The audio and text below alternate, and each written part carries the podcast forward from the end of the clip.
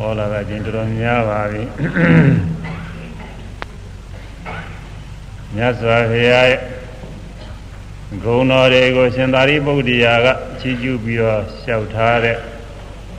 သုတ်ပါပဲမြတ်စွာဘုရားကိုရှင်သာရိပုတ္တရာလျှောက်ထားတဲ့စကားတွေကိုသုတ်တရားဖြင့်သံဃာနာတင်ထားသာရိပုတ္တရာထေမဟာက မြတ်စွာရှင်ထာနုမာညာဖြင့်ပရံပနာဤလိုစ၍တင်ပြဖို့တို့မြတ်ကြောင့်ဟုတ်သည်အနုတ္တရိယ16ဝါကအဲမြတ်စွာဘုရားထာမရှင်သာရိပုတ္တရာချင်းကပ်ပြီးတော့သူ့ရဲ့အနုမာနာညာဖြင့်မြတ်စွာဘုရားရဲ့ဂုဏ်တော်တွေကိုလျှောက်ထားအပရံပနာစသည်ဖြင့်တပါတော့အမြင့်မြတ်ဆုံးဂုဏ်တွေလည်းရှိပါသေးတယ်ဆိုပြီးတော့လျှောက်ထားတယ် အဲဒါကြောင့်အနုတ္တရိယအနုတ္တရိယဂုံ36ပါးရှိတယ်ပရံပနာနဲ့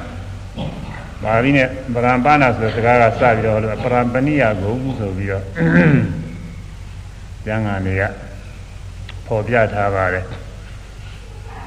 ကုသလဒေသနာကုသိုလ်တရားဟောတဲ့နေရာမှာလဲကြိုင်မဲမကြီးမြတ်စွာဘုရားအများဆုံးပဲ ကုသလဒေသနာဆိုတာမတိပဋ္ဌာန်၄ပါးသမဂရံ၄ပါးဣရိပါ၄ပါးဣန္ဒြေ၅ပါးဘူ၅ပါးဘုဇင်9ပါးမဂ္ဂင်10ပါး39ပါးသောဗောဓိဝိခိယတရားတွေပဲအဲ့ဒါကြီးမြတ်စွာဘုရားဟောတယ်အဲ့ဒီတဲ့ပိုးပြီးဟောစရာမရှိဘူးဒါကြောင့် ကုသိုလ်တရားတွေဟောတဲ့နေရာမှာမြတ်စွာဘုရားအမြတ်ဆုံးပဲအဲဒီ38ပါးသဘောတိပ္ပယတရားတွေသူတို့ဘာကဟောဖို့မဟောနိုင်ပါဘူး။ဒါလုံးဟောဖို့ဆိုတာဝေးရောဒါမှမြတ်စွာဘုရားအမြတ်ဆုံးပဲ။တရားအာယရဏသတိကယရဏ6ပါးဗာယရဏ6ပါးအဲဒါလည်းပဲမြတ်စွာဘုရားအပြည့်စုံဟောတော်မူတယ်။မြတ်ဆုံးပဲ။ကာဘဝက်ကံတဲ့မိဝမ်းတွင်သရောက်ပုံ၄မျိုး မြတ်စွာဘုရားဟောတော်မူတဲ့ဒါလည်းမြတ်ဆုံးမဲ့အာရေတနာအာရေတနာဆိုတာကတော့အတ္တဟောတာတွေပေါ့အဲ့ဒါလည်းဒီမျိုးရှိတယ်အဲ့ဒါလည်းမြတ်စွာဘုရားဟောတာအမြတ်ဆုံးပဲတဲ့ဘုလိုမျိုးဟောကြမရှိဘူးဒါသနာတော်တဲ့အမြင်လေးမျိုးအဲ့ဒါလည်းမြတ်စွာဘုရားဟောတော်မူတဲ့ဟောကြမရှိဘူးတဲ့ဒါပုဂ္ဂလာပညာတဲ့ပုဂ္ဂိုလ်9ပါးပုဂ္ဂိုလ်9ပါးကတော့ဒီထဲမှာပါတယ် ဒီနေ့ကဟိုတန်းလေးဆောင်းပုတ်ကလေးနဲ့နဲ့မှားရွံ့နေတာလေးရှိတော့ထားပြီးတော့ရိုက်ထားတယ်ဟောပြီးသားတွေပါပဲ6နာမပုဂ္ဂိုလ်ပြဟောခြင်း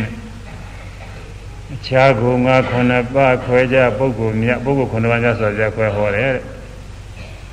အရူပဇံခြေခံကယဟန္တာနှစ်ပြာယုံနာလို့အယုပဇံခြေခံပြီးတော့ဝိပဿနာရှုယဟန္တာဖြစ်သွားလို့ရှိရင်ယုံနာနှစ်ပါးလုံးမှ လွတ်မြောက်တယ်ပါဠိလိုဥဒ္ဒောဘာဂဝိမု ക്ത လို့ခေါ်ရသည်တဲ့ဒါဥဒ္ဒောဘာဂဝိမု ക്ത ခေါ်ရတော့ရှင်များအာယုဘာဇံဝင်စားအာယုဘာဇံအခြေခံပြီးတော့ဝိပဿနာရှုအစဉ်တိုင်းအရိယာမေဖို့တွေတက်သွားနောက်ဆုံးအရဟတမေဖို့ရောက်ရဟန္တာဖြစ်သွားတယ်အဲဒီမှာ ရုပ်မှလည်းလွတ်နာမှလည်းလွတ်အာယုဘဇံဝင်စားလိုက်တဲ့ကရုပ်ဖို့မှလွတ်တာရုပ်အာယုမရှိတော့ဘူးဒါကအရဟတမေဖို့ရောက်တဲ့ခါကာလကြတော့လဲနန္တရားကလည်းလွတ်သွားမျိုးဝနာနှမျိုးလုံးအကုန်လွတ်သွားလို့ဥဒောဘာကဝိမု ക്ത ခေါ်တယ်ဒါဒီပုဂ္ဂိုလ်ကတပတ်မြတ်စွာဘုရားကြီးသာသနာတော်မှာအမြင့်အမြတ်ဆုံးဉာဏ်နာပါပဲအခြားဉာဏ်နာအမိမာပညာဝိမု ക്ത မှာအာယုဘဇံမရလို့ရှိရင်တော့ ယူပဇံဝင်စားပြီးဝိပဿနာရှုလို့ယဟန္တာဖြစ်ပြီးဖြစ်စေတော့မဟုတ်ဇံမရပဲဒုက္ခဝိပဿကယဟန္တာဖြစ်ပြီးဖြစ်စေအဲဒီလိုယဟန္တာကိုတော့ပညာဝိမု ക്ത ခေါ်တယ်ပညာဖြင့်လွတ်မြောက်တယ်နှစ်နှစ်နံပါတ်ဗရာလုံငါစမေမသတ္တနုတာရီအဲဗရာတရားလွန်ပြီးတော့အာထုတ်တဲ့ပုဂ္ဂိုလ်သရာတရား ကြီးမှုပြီးအားထုတ်တဲ့ပုဂ္ဂိုလ်သောတာပတ္တိမဲ့ရောက်လို့ရှိရင်သတ္တနုတာရီပုဂ္ဂိုလ်ခေါ်တယ်။ပညာလုံငါစမဲ့မှာဓမ္မနုတာရီအဲပညာလွန်ကဲတဲ့ပုဂ္ဂိုလ်ပညာမှုပြုပြီးတော့ဝိပဿနာရှုသောတာပတိမဲ့ရောက်ရင်ဓမ္မနုတာရီခေါ်တယ်အဲဒါကအထက်ကထာဆရာများဖွင့်ပြတဲ့အတိုင်းပဲအခု ဒီဘဝစာမှုတွေနဲ့နောက်နိုင်ငံကပုဂ္ဂိုလ်တွေယူထားတာကတော့ဒီဟာတွေကမဲ့ပုဂ္ဂိုလ်မဟုတ်ဘူးသူတို့ကတော့မဲ့မရောက်ခင်သုလာသောတာပန်ပုဂ္ဂိုလ်တွေပဲอืม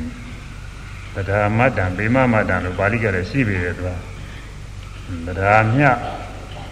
ညိုခြင်းမျှပဲဖြစ်သေးတယ်လို့သရဏုတာရီမှာဟောတာအဲတော့သူကလည်းသုလာသောတာပန်ဆိုတာလည်းဟုတ်မယ်ဆိုဟုတ်လို့ကြာရှိတယ် တရားလွန်ငါလဲ၆ထားတရားဝိမုံမှာတဲ့တရားလွန်ပြီတရားထုတ်အလဲ၆ဌာနသောတာပတိဖို့ကစပြီးတော့တရားမိမဲ့ဖို့အနာဂမိမဲ့ဖို့အရဟတမဲ့ရောက်၆ဌာနရှိတယ်အဲဒါတရားဝိမုံ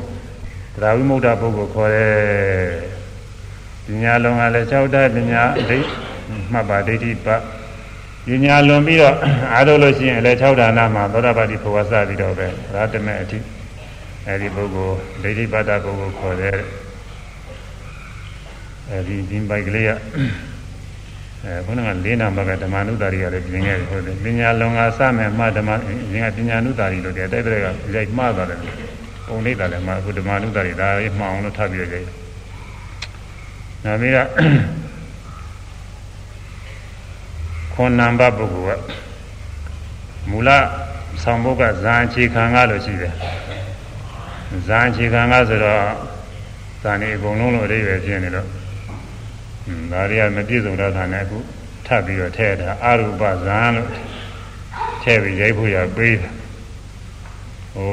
ဇာရဲ့နောက်ကပုံမခက်ကလေးထည့်ဖို့ပြထားတာလေအရူပအဲ့ဒီနေရာကထည့်ရမယ်မှတ်ပြီးတော့အဲဒီနောက်ကထဲလို့ကြောင်းမြန်ပြင်းနေဇာအရူပဖြစ်နေအရူပဇာမယ်အရူပဇာမှားတော့မှားပါဘူးအဓိပ္ပာယ်တော့ဇာအရူပအခြေခံကဒီလိုလည်းပဲ ဆိုလို့တော့ရပါသို့သော်လည်းဟိုဒီမှာလင်္ကာမချောတော့ဘူးဒီလိုဆိုလို့ချင်းအရူပဇာလို့အရူပကအရင်ဖြစ်ရမယ်ဇာကနောက်ဖြစ်ရမယ်ဘုမကကလေးထည့်ဝေရပြတာကိုအရူပထည့်ရမယ်မှတ်ပြီးနောင်နာသွားထည့်ရတယ်အရူပဇာအခြေခံက6ဌာနကာယသက္ခိမာအာရုပဇာအခြေခံပြီးတော့ဝိဝါဒနာရှု အလေ6ဌာနသောတာပတိဖို့ရောက်သောတာပန်မို့လဲဒါမိမဲ့ဖို့နာမိမဲ့ဖို့အရဟတမဲ့ရောက်အဲဒီပုဂ္ဂိုလ်ကာယသက္ခိခေါ်တဲ့အဲတရားလုံးလို့ရှိရင်တော့တရားဝိမုတ်ပညာလုံးလို့ရှိရင်တော့ပညာဝိမုတ်ဒိဋ္ဌိပတ္တခေါ်တယ်အာယုဘာသာအခြေခံရင်တော့တရားလုံးသည်ဖြစ်စေပညာလုံးသည်ဖြစ်စေသူကကာယသက္ခိပဲခေါ်ရမယ်တဲ့ကာယသက္ခိဒါပါပဲအဲ့ဒါလေးစာရမဇံချီခံရလို့ရှိတယ်အဲဒီအခု ထပြေတာအရုပဇံလို့ထပြေတာဇံအရုပလို့ပြောင်းမြန်ဖြစ်နေပြောင်းမြန်ရွှေရွှေရမယ်လို့ဇံလေးနောင်နာရွှေပြီးတော့အရုပရှင်နာခြင်းအရုပဇံခြေခံက6ဌာနကာယသက်ခိမှာအဲဒီပြင်သာလေးနဲ့မှတ်မြောင်တစ်ခေါက်လို့တော့ဆိုဥမှာပါတော့ကြာနေစားအရုပဇံခြေခံက6ဌာနကာယသကိမာအရုပဇံ ခြေခံက6ဌာနကာယသကိမာအရူပဇံခြေခံက6ဌာနကာယသကိမာသို့ခြေခံ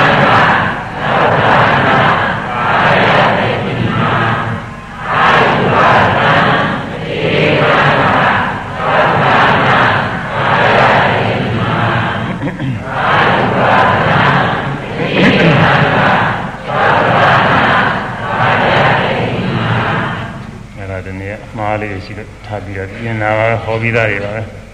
နောက်ပြီးတော့ခေါင်းစဉ်ဆောင်မုတ်ကပုဂ္ဂလပြီးတော့ဗဒာတဲ့ဗဒာနာအဲဒီရောက်နေအပရံပနာဘာနေဣရဒနုတ္တိယယထာဘဂဝါဓမ္မတေတေတိဗဒာနေသူဘာနေမြတ်စွာဘုရားပရံပနာတဘာသောအနုတ္တိယကုံက ဘဂဝါမြတ်စွာဘုရားယထာခြင်းချင်းရာဖြင့်ဗราနေသူအာထုကြောင့်ဖြစ်သောဘုဇင်တရားတော်၌ဓမ္မတရားကိုဒီသိတိဟောကြားတော်မူ၏ဧတံဤဘုဇင်တရားတို့ဘုဇင်တရားတို့၌ဘုဇင်ခုနှစ်ပါးတို့၌တရားဟောတော်မူခြင်းသည်အနုတ္တရိယံ အလွန်ကဲမရှိအမြင့်မြတ်ဆုံးပုဂ္ဂိုလ်ဖြစ်ကြောင်းသက်သေတာရကပါပေ၏အလွန်ကဲဖြစ်မြတ်ဆုံးပုဂ္ဂိုလ်ဖြစ်ကြောင်းဂုဏ်လူဝိသေသပါပေ၏ညဇာဗျာဗราဏခေါ်တဲ့ဘုဇင်ခုနှစ်ပါးတရားတွေမြတ်စွာဘုရားဟောထားတယ်အဲ့ဒါဒီနေ့ပုဂ္ဂိုလ်တွေမဟောနိုင်ဘူးဒီနေ့ပုဂ္ဂိုလ်တွေဘုဇင်တရားဆိုတာမဟောနိုင်ပါဘူးဘုဇင်တရားဆိုတာသစ္စာလေးပါး ဒီကြောင့်ဖြစ်တဲ့တရားတွေကိုနာရီကမဟောနိုင်ပါဘူးအဲ့ဒါနဲ့ဆိုဘုရားအလွန်ကဲဆုံးပဲတတိမတတိမေဗန္ဒီဘုဇင်ကဘာနေများဆိုပြဣမေတ္တဤခုနှစ်ပါးတို့ဒီကဘုဇင်ကဘုဇင်တရားတို့ပဲဆိုပြီးတော့တတိတံဘုဇင်ကဓမ္မဝိဇ္ဇတံဘုဇင်ကစသဖြင့်ခေါင်းစဉ်ကလေးပဲဟောထားပါတယ်ဟိုမှာအဲ့ဒါကိုဘုညာတွေမှာဆောင်းမှုပေးထားတယ်အခြားကောင်ကခုနှစ်ပါးဟောကြားဘုဇင်မှာ တတိအမှထင်လသူမှာဓမ္မဝိဇ္ဇာညာကပေါ်လာဝိရပိတိပတ္တိတရားသမာဓိဖြစ်ဤဥပေက္ခဒီမှာလည်းခေါင်းစဉ်ကလေးစင်ုံလေးပဲသင်ပြီးတော့မှအပြီးပြီးအကျယ်ချဲ့ပြီးတော့ခေါ်တနည်းဘုဇင်တစ်ခုတောင်ပြီးသွားပါပြီ။ခိုင်သာလေးဆိုရကြအောင်ဆိုတရားသင်ပြီးတော့အခြားကုံကဘုနပါဟောကြားဘုဇင် မှာအခြားကုံကဘုနပါဟောကြားဘုဇင်မှာ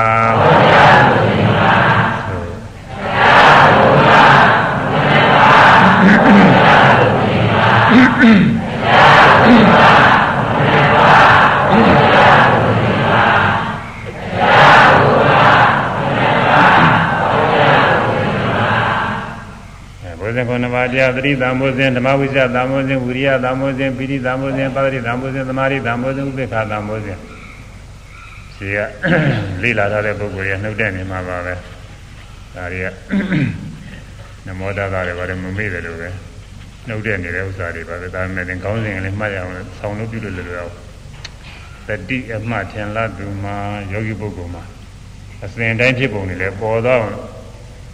အမှတ်တတိထင်းနေလို့ရှိရင်ဖောင်းနေပိန်နေထိုင်နေအထိရမြင်နေကြတဲ့စသည်ဖြင့်မှတ်မိတယ်မှတ်မိတယ်တတိတံမိုးစဉ်ဖြစ်တတိတံမိုးစဉ်ဖြစ်ရင်ဘာတွေဖြစ်တော့ဆိုတော့ဓမ္မဝိဇ္ဇာညာဓမ္မဝိဇ္ဇာဆိုတဲ့ညာလည်းပဲဖြစ်တော့တာပဲမှတ်မိတဲ့အာယုပြီးတော့ဝိရိယမှတ်မိအောင်အားထုတ်မှုလည်းပါတာပီတိအမှကောင်းတဲ့ခါကလာပီတိဖြစ်တယ်ပါဒတိအဲငြင်းအေးတဲ့သဘောဖြစ်တယ်သမာဓိမှတ်မိတဲ့အာယုမှာစုစိတ်တည်ကြည်တာဖြစ်တယ်နောက် အမှားထူးကောင်းတဲ့အခါဥပေက္ခကြောင့်ကြောင့်ဆိုပဲနဲ့အမှားပြီးလေသွားနေတာဖြစ်သည်တဲ့အဲဒါကိုဘုဇင်ခုနှစ်ပါးတရားတတိအမှားထင်လသူမှာဓမ္မဝိစီယညာငါဘောလာတဲ့အဲဆိုရမယ်တတိအမှားထင်လသူမှာဓမ္မဝိစီယညာငါဘောလာဝိရိယပိတိပါတာရိတရားမာရိ ရှိဥပေက္ခသတိအမလသုမဓမ္မဝိစယညာငါပေါ်လာဝိရိယပိတိပတ္တရိတရားမာရိရှိဥပေက္ခအဲဒီဘုဇင်ခုနှစ်ပါးတရားတွေမြတ်စွာဘုရားဟောတယ် အဲဒီဘုဇင်ခုနှစ်ပါးတရားတွေပို့ပြီးဟောကြမရှိပါဘူးဒါကြောင့်မြတ်စွာဘုရားအလွန်ကဲအမြင့်မြတ်ဆုံးဖြစ်တော်မူပါတယ်လို့ရှောက်ထားတယ်ဘုဇင်ခုနှစ်ပါးဤတရားဟောကြဘဂဝါဘုဇင်ခုနှစ်ပါးဤတရားဟောကြဘဂဝါဘုဇင်ခုနှစ်ပါးဤတရားဟောကြဘဂဝါ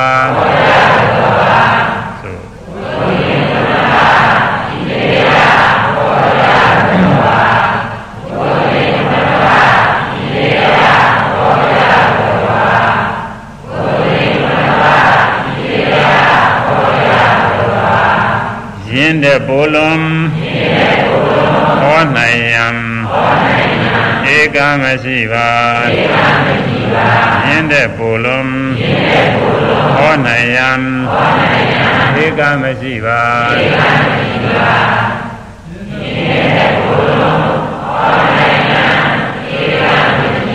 ု့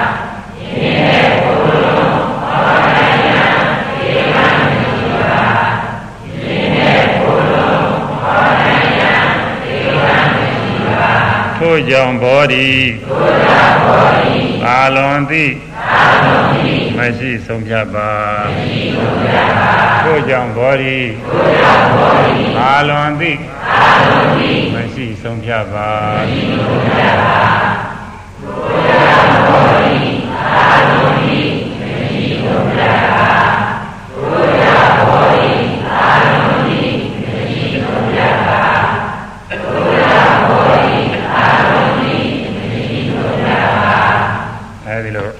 ဘုဇင်ခွန်ပါးတရားမြတ်စွာဘုရားဟောအသိလည်းပို့ဟောကြမရှိဘူးဒါကြောင့်မို့မြတ်စွာဘုရားတဲ့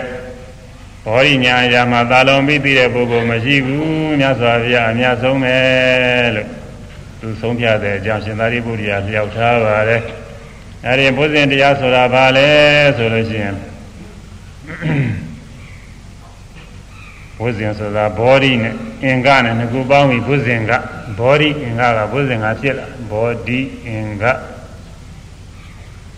ဘောဓိအင်္ဂသရာနိယကတော့နောက်ကတရားနောက်ကတရားရှိနေရှေးကဣလေးကရပြောင်းလဲရတယ်ကြာပြပြုတယ်လို့ခေါ်တယ်ကြာပြောင်းလဲလဲခကြားရခပြောင်းလဲလဲအဲဒီတော့တောက်ချိန်နဲ့ရတဲ့ဘုံနဲ့တရားဖြစ်သွားတော့ တရားကိုလည်းတခါဇာရင်ဆွဲလို့ရတယ်တရားနဲ့ဇာတာသူအမှန်ပြီးတော့တရားကြအိန္ဒိယသာသီဟောတန်ကဇာရင်ဆွဲကကြလို့အသာထွက်တယ်ဗမာကဇာလို့ထွက်တယ်ဇာဇာဇာဇာညအိန္ဒိယသီဟောတန်ကကြချကြကြညဒီလိုထွက်တယ်သူသူကထမှန်တယ်ဗမာကထမှန်မှန်ညတလုံးမှန်တယ်ညက တာလူထံခေါ်တယ်လျာအထက်ကအာကလောင်အာကလောင်လေးအဲ့ဒီကနေပြီးထွက်လာတဲ့အတန်ကိုအဲကြာချာကြာကြာညဆိုတော့လေဘုရားဘောကအာကလောင်လေးကထွက်လာတယ်ဒီတမ်းမှန်စစဆိုတော့ရှားတရားရောက်ရှားထိတ်ရောက်စစဇဆိုတော့ရှားထိတ်ရောက်တယ်မှညတော့မှအဲ့တော့ဟိုဟိုအတန်နဲ့တမ်းမှန်နေပါလေဒါပေမဲ့ဗမာပြည်တော့ဗမာရွတ်တဲ့နည်းနဲ့ရုံမှာပဲမှန်တယ်ဒီတဲ့နည်းနဲ့ရုပ်လို့ရှိရင်မပြီးဘူးအတန်မမှန်မှုလို့ထင်တယ်ဒါသူ့တိုင်းပဲရုံအဲ့ ဒီတရားကိုဇာနေစေပြီးတော့တရားကြဖြစ်သွားတာတရားတော့မဟုတ်ဇာပါလေဗမာတန်နဲ့တော့ဇာအဲ့ဒီဇာကလည်းဒီလိုတရားကနေပြီးဖြစ်လာတဲ့ဇာကလည်းနှလုံးဆင်းရတယ်ဇာကွဲနဲ့နှလုံးဆင်းရတယ်လားအဲဘောတရားကဘုဒ္ဓယဖြစ်သွားဘုဒ္ဓယနဲ့နောက်ကအင်္ဂနဲ့ပေါင်းလိုက်တော့ဘုဒ္ဓင်္ဂဘုဂျင်္ဂဘုဇင်ဘုဇင်္ဂဘုဇင်လို့ခေါ်တာဘောဓိ ဘောဓိအကြောင်းအင်္ဂါကိုဘုဇင်ဟုခေါ်သည်တဲ့ဘောဓိဆိုတာဘာလို့လဲသစ္စာလေးပါးသိသူကိုဘောဓိဟုခေါ်သည်တဲ့သစ္စာလေးပါးသိတဲ့ပုဂ္ဂိုလ်ကိုဘောဓိလို့ခေါ်တယ်ထိုဘောဓိဤအစိတ်ပိုင်းထိုဘောဓိအကြောင်းပေါ့ထိုဘောဓိသိသူရဲ့အကြောင်းဖြစ်တာကိုဘုဇင်လို့ခေါ်တယ်တဲ့ဒီနေ့ကလည်းဆိုပြီးသားပါပဲဒါမှထဆိုမှကြည်တာပေါ့လေကွာ သစ္စာလေးပါးသိသူကိုသစ္စာလေးပါးသိသူကိုဘောဓိဟုခေါ်သည်ဘောဓိဟုခေါ်သည်သစ္စာလေးပါးသိသူကိုသစ္စာလေးပါးသိသူကိုဘောဓိဟုခေါ်သည်ဘောဓိဟုခေါ်သည်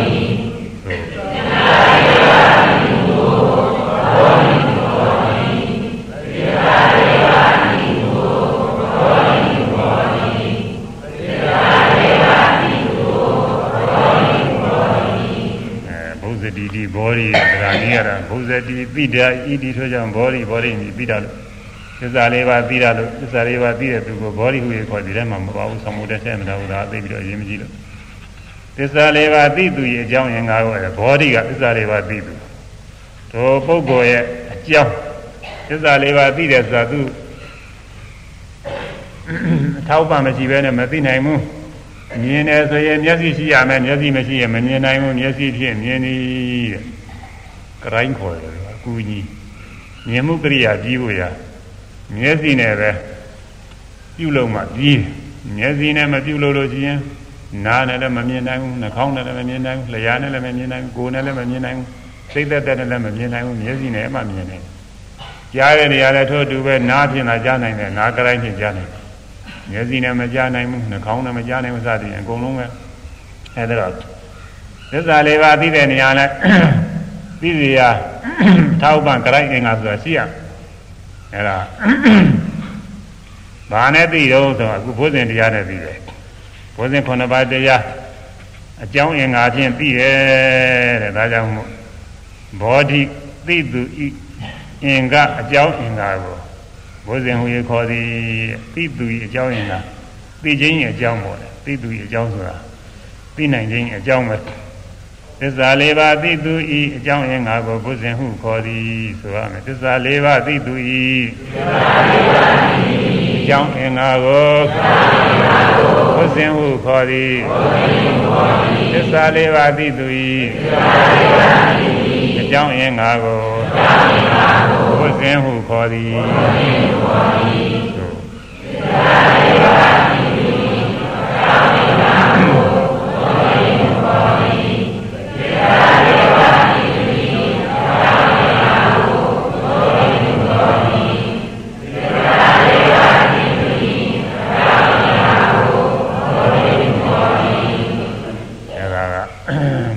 ကသစ္စာလေးပါးသိသူတို့သစ္စာလေးပါးသိသူအကြောင်းရင်ငါဆိုသစ္စာလေးပါးသိခြင်းအကြောင်းပါပဲအဲဒါဘုဇင်ဝေခေါ်သည်နောက်တနည်းကအဲ့ဒီအကြောင်းအင်္ဂါတွေကသူတို့ကိုယ်တိုင်ကလည်းသိတတ်တယ်ကတ္တာဖြစ်တဲ့ပုဂ္ဂိုလ်ကိုကတ္တာဖယ်လိုက်လို့ရှိရင်ပုဂ္ဂိုလ်ကသစ္စာလေးပါးသိတတ်သည်ပုဂ္ဂိုလ်ကိုဖယ်လိုက်ရင်အဲဒီဘုဇင်9ပါးတရားအပေါင်းကပဲသိတာပဲ ဘုဇင်9ပါးတရားအပေါင်းကပဲသိဒါကြောင့်မို့သူတို့တော့တရားအပေါင်းဆိုတော့သိမှုလို့တရားပြန်ထားပါတယ်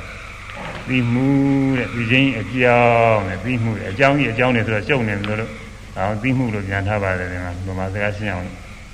အဲသစ္စာလေးပါးသိမှုကိုဘောဓိဟူရခေါ်သည်ဒီဒုတိယနေ့ကသစ္စာလေးပါးသိမှုသိမှုဆိုတာဘာတော့ဆို ဝိဇင်ခုနှစ်ပါးတရားအပေါင်းပဲဒီခုတည်းမဟုတ်တရားတွေအကုန်လုံးစုပေါင်းပြီးတော့မှသိတာပေါ့အဲတရားအပေါင်းကသိမှုတွေခေါ်သည်သစ္စာလေးပါးသိမှုကိုဘောဓိဟုခေါ်သည်ခိုင်သာလေးဆိုအောင်သစ္စာလေးပါးသိမှုကိုဘောဓိဟုခေါ်သည်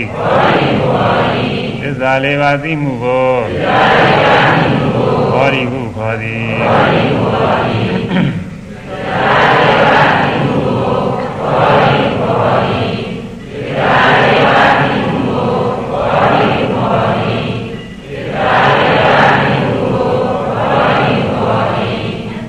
ရိကသစ္စာလေးပါးသိမှုသစ္စာလေးပါးသိတဲ့တရားအပေါင်း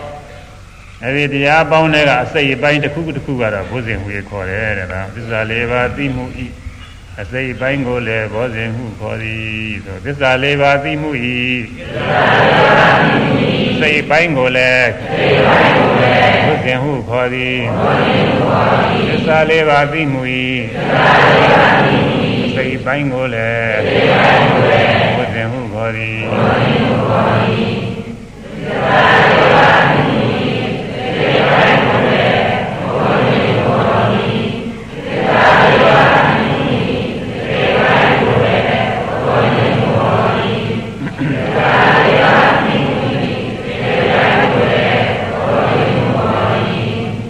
အဲဒီဘုဇင်ကနပါရံပရိသမုဇင်စတယ်ပရိသမုဇင် ဒီနေ့ဟောပြီးပါပြီလို့ဆိုဒီနေ့စာရွက်ဘယ်နှမကြည့်လို့စာရွက်မဝရတဲ့အခုကနေမှဒီနေ့ရတယ်လည်းဒီဒီနေ့ကျမှဟောဝရပါပဲကြားထဲမှာအကြောင်းအားလျော်စွာဟိုတရင်ကဘုန်းကြီးဟောလိုက်ဒီနေ့ဆောင်းမုံမပေါ့ဒီနေ့တော့စာရွက်နဲ့ဒါလေးလည်းတစ်ခေါက်တစ်ခေါက်တော့ဆိုသွားလိုက်ဥမှာတတိတံမိုးစဉ်ဆိုတာသူ့လက္ခဏာရှိတယ်ရာသရှိတယ်ပစ္စုပ္ပန်ရှိတယ်လက္ခဏာဆိုတာ လူရဲ့အထည်ကိုပါပဲရုပ်ရဲ့လက္ခဏာရုပ်ရဲ့သဘောတရားအထည်ကိုပဲနာရဲ့လက္ခဏာနာဤသဘောတရားအထည်ကိုပဲပထဝီဓာတ်ဤလက္ခဏာတဲ့ခက်မှကြာနာခြင်းဟာပထဝီဓာတ်ဤလက္ခဏာပထဝီဓာတ်ဆိုတာလည်းသူပဲပထဝီဆိုတာခက်မှကြာနာတဲ့သဘောပဲကိုယ်တန်းစမ်းသကြည့်မာမာကျမ်းကျမ်းတွေ့တာတွေဟူသည်များပထဝီဓာတ်ကြီးတယ်ပဲသာမင်စမ်းကြည့်မာမာကျမ်းကျမ်းတွေ့ရတယ်ပထဝီဓာတ်ပဲ အဲကိုမပေါရောက်နေတဲ့အမွေးမင်းနေစမ်းကြည့်မာမကျန်ကျန်တွေ့ရတယ်ပထဝီဓာတ်ပဲခြေသေးလည်းသေးစမ်းကြည့်ပထဝီဓာတ်ပဲအဲဒီတော့မာမကျန်ကျန်တွေ့ရတာဟူသည်များတယ်အကုန်လုံးပထဝီဓာတ်ပဲအဆိုင်ခဲအဖအနေအားဖြင့်သူကညညနဲ့ပြောမယ်ဆိုအဲဒီလိုထင်ရှားတယ်မာကျမ်းတဲ့သဘောပထဝီဓာတ်ပဲ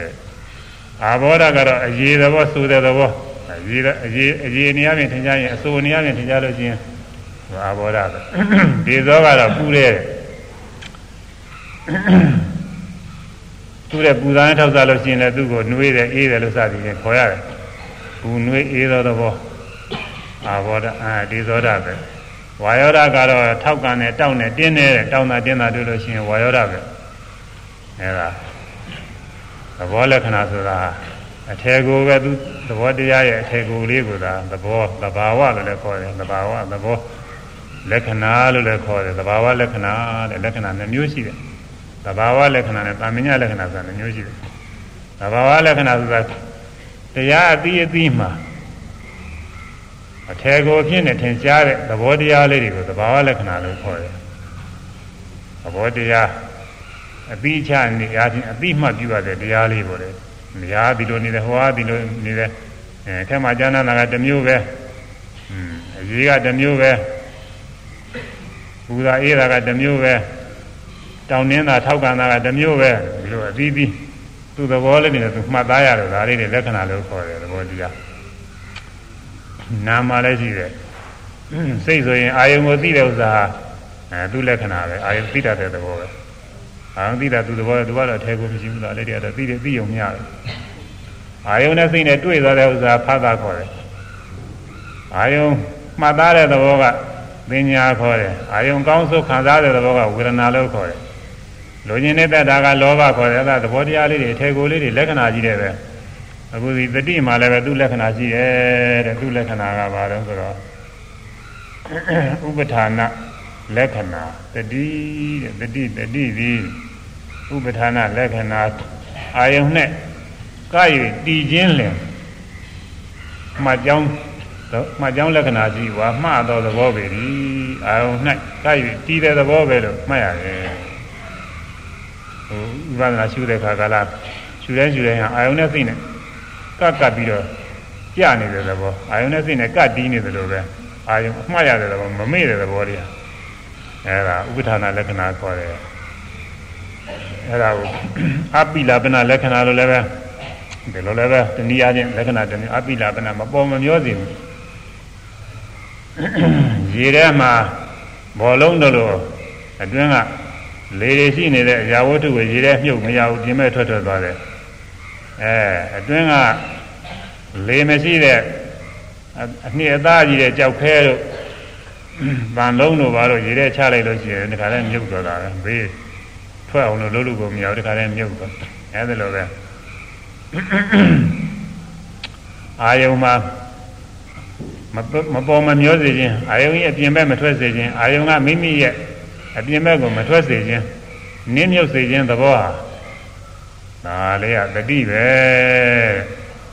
အဲ့ဒါကစာသုံးပေသုံးကိုဒါတွေမှတ်ရခဲ့တယ်ဟောဗမာလူကတော့ဒီမှာမလွတ်စဒန်းစောင့်ဖားနေသည်တဲ့ဒါတော့ပေါ်တယ်အဲ့ဒီဥစ္စာပဲပေါ်တိုင်းပေါ်တိုင်းတော့ဖြစ်တိုင်းဖြစ်တိုင်းတော့တရားလေးတွေမလွတ်ရဘူးတခါတည်း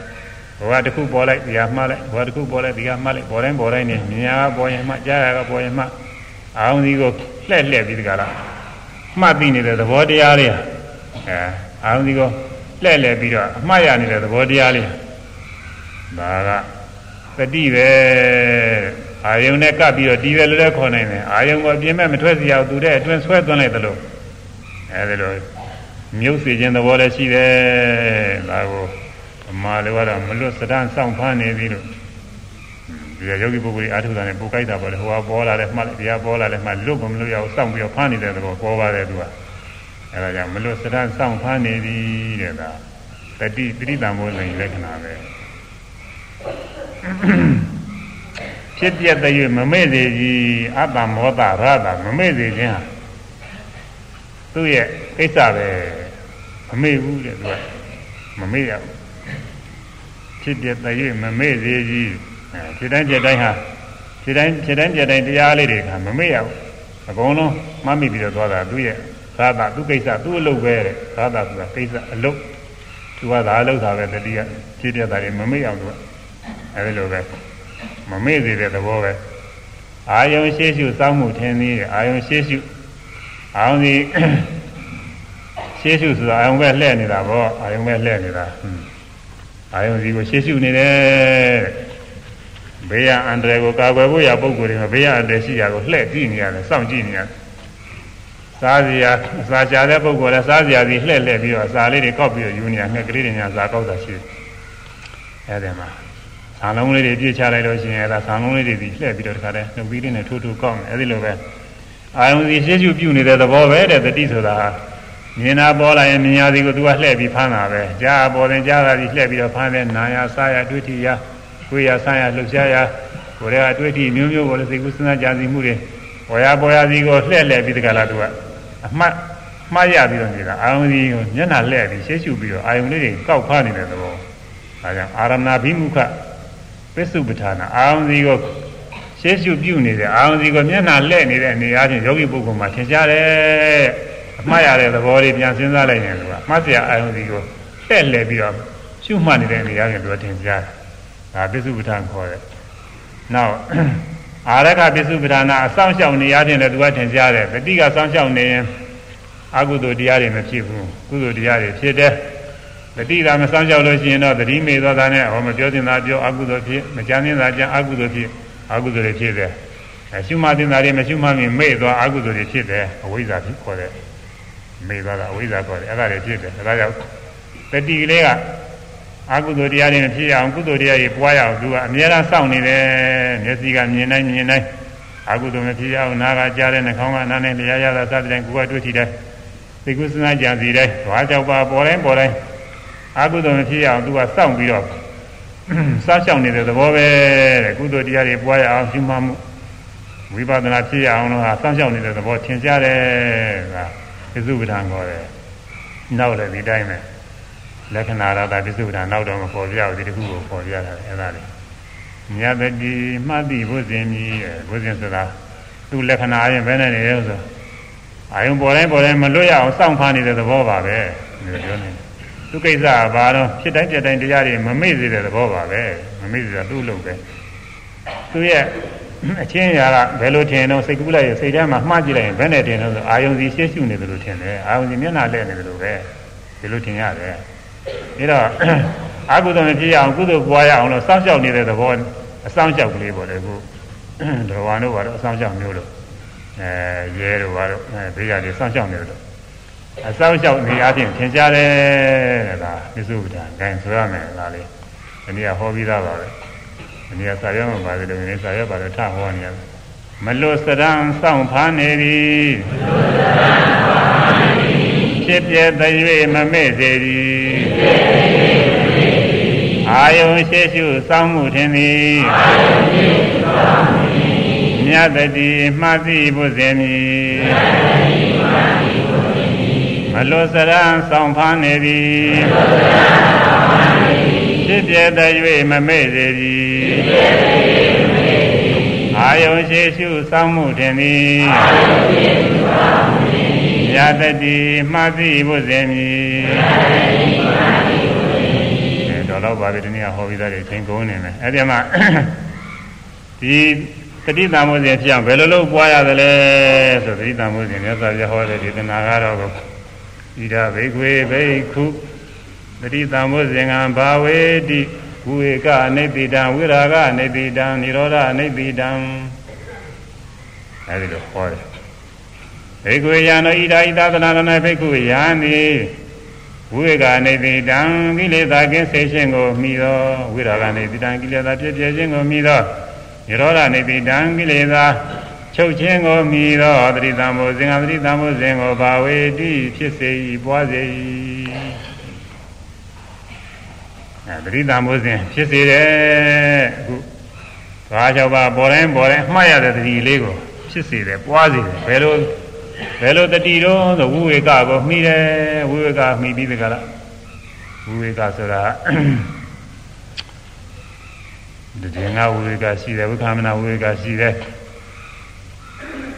သမုတ်စေရဝိဝေကရှိတယ်နေတရဏဝိဝေကရှိတယ်ပฏิပတ်တာဝိဝေကရှိတယ်အဲဒီဝိဝေကတွေ၅မျိုးရှိတယ်အဲဒီ၅မျိုးထဲမှာအခု နေတရဏဆိုတာကတော့ကိုနိဗ္ဗာန်ကိုနေတရဏဝိကခေါ်တယ်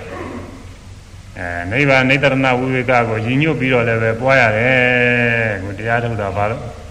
ဘာအတွက်အထုတ်တော့ဘာလို့ရှိလို့အာထုတ်တယ်လဲနိဗ္ဗာန်ကိုမျက်မှောက်ပြုဖို့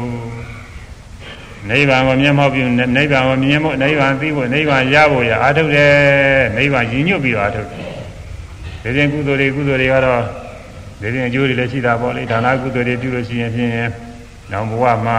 တတိဖြစ်ခြင်းတဲ့ပုဂ္ဂိုလ်တတိဖြစ်ဖို့မင်းဖြစ်ခြင်းတဲ့ပုဂ္ဂိုလ်မင်းဖြစ်ဖို့အဲဒီလိုရည်ရွယ်ချက်တောင်းတာရင်ရှိတာပေါ့နတ်ပြည်ရောက်ခြင်းတဲ့ပုဂ္ဂိုလ်နတ်ပြည်ဖြစ်ဖို့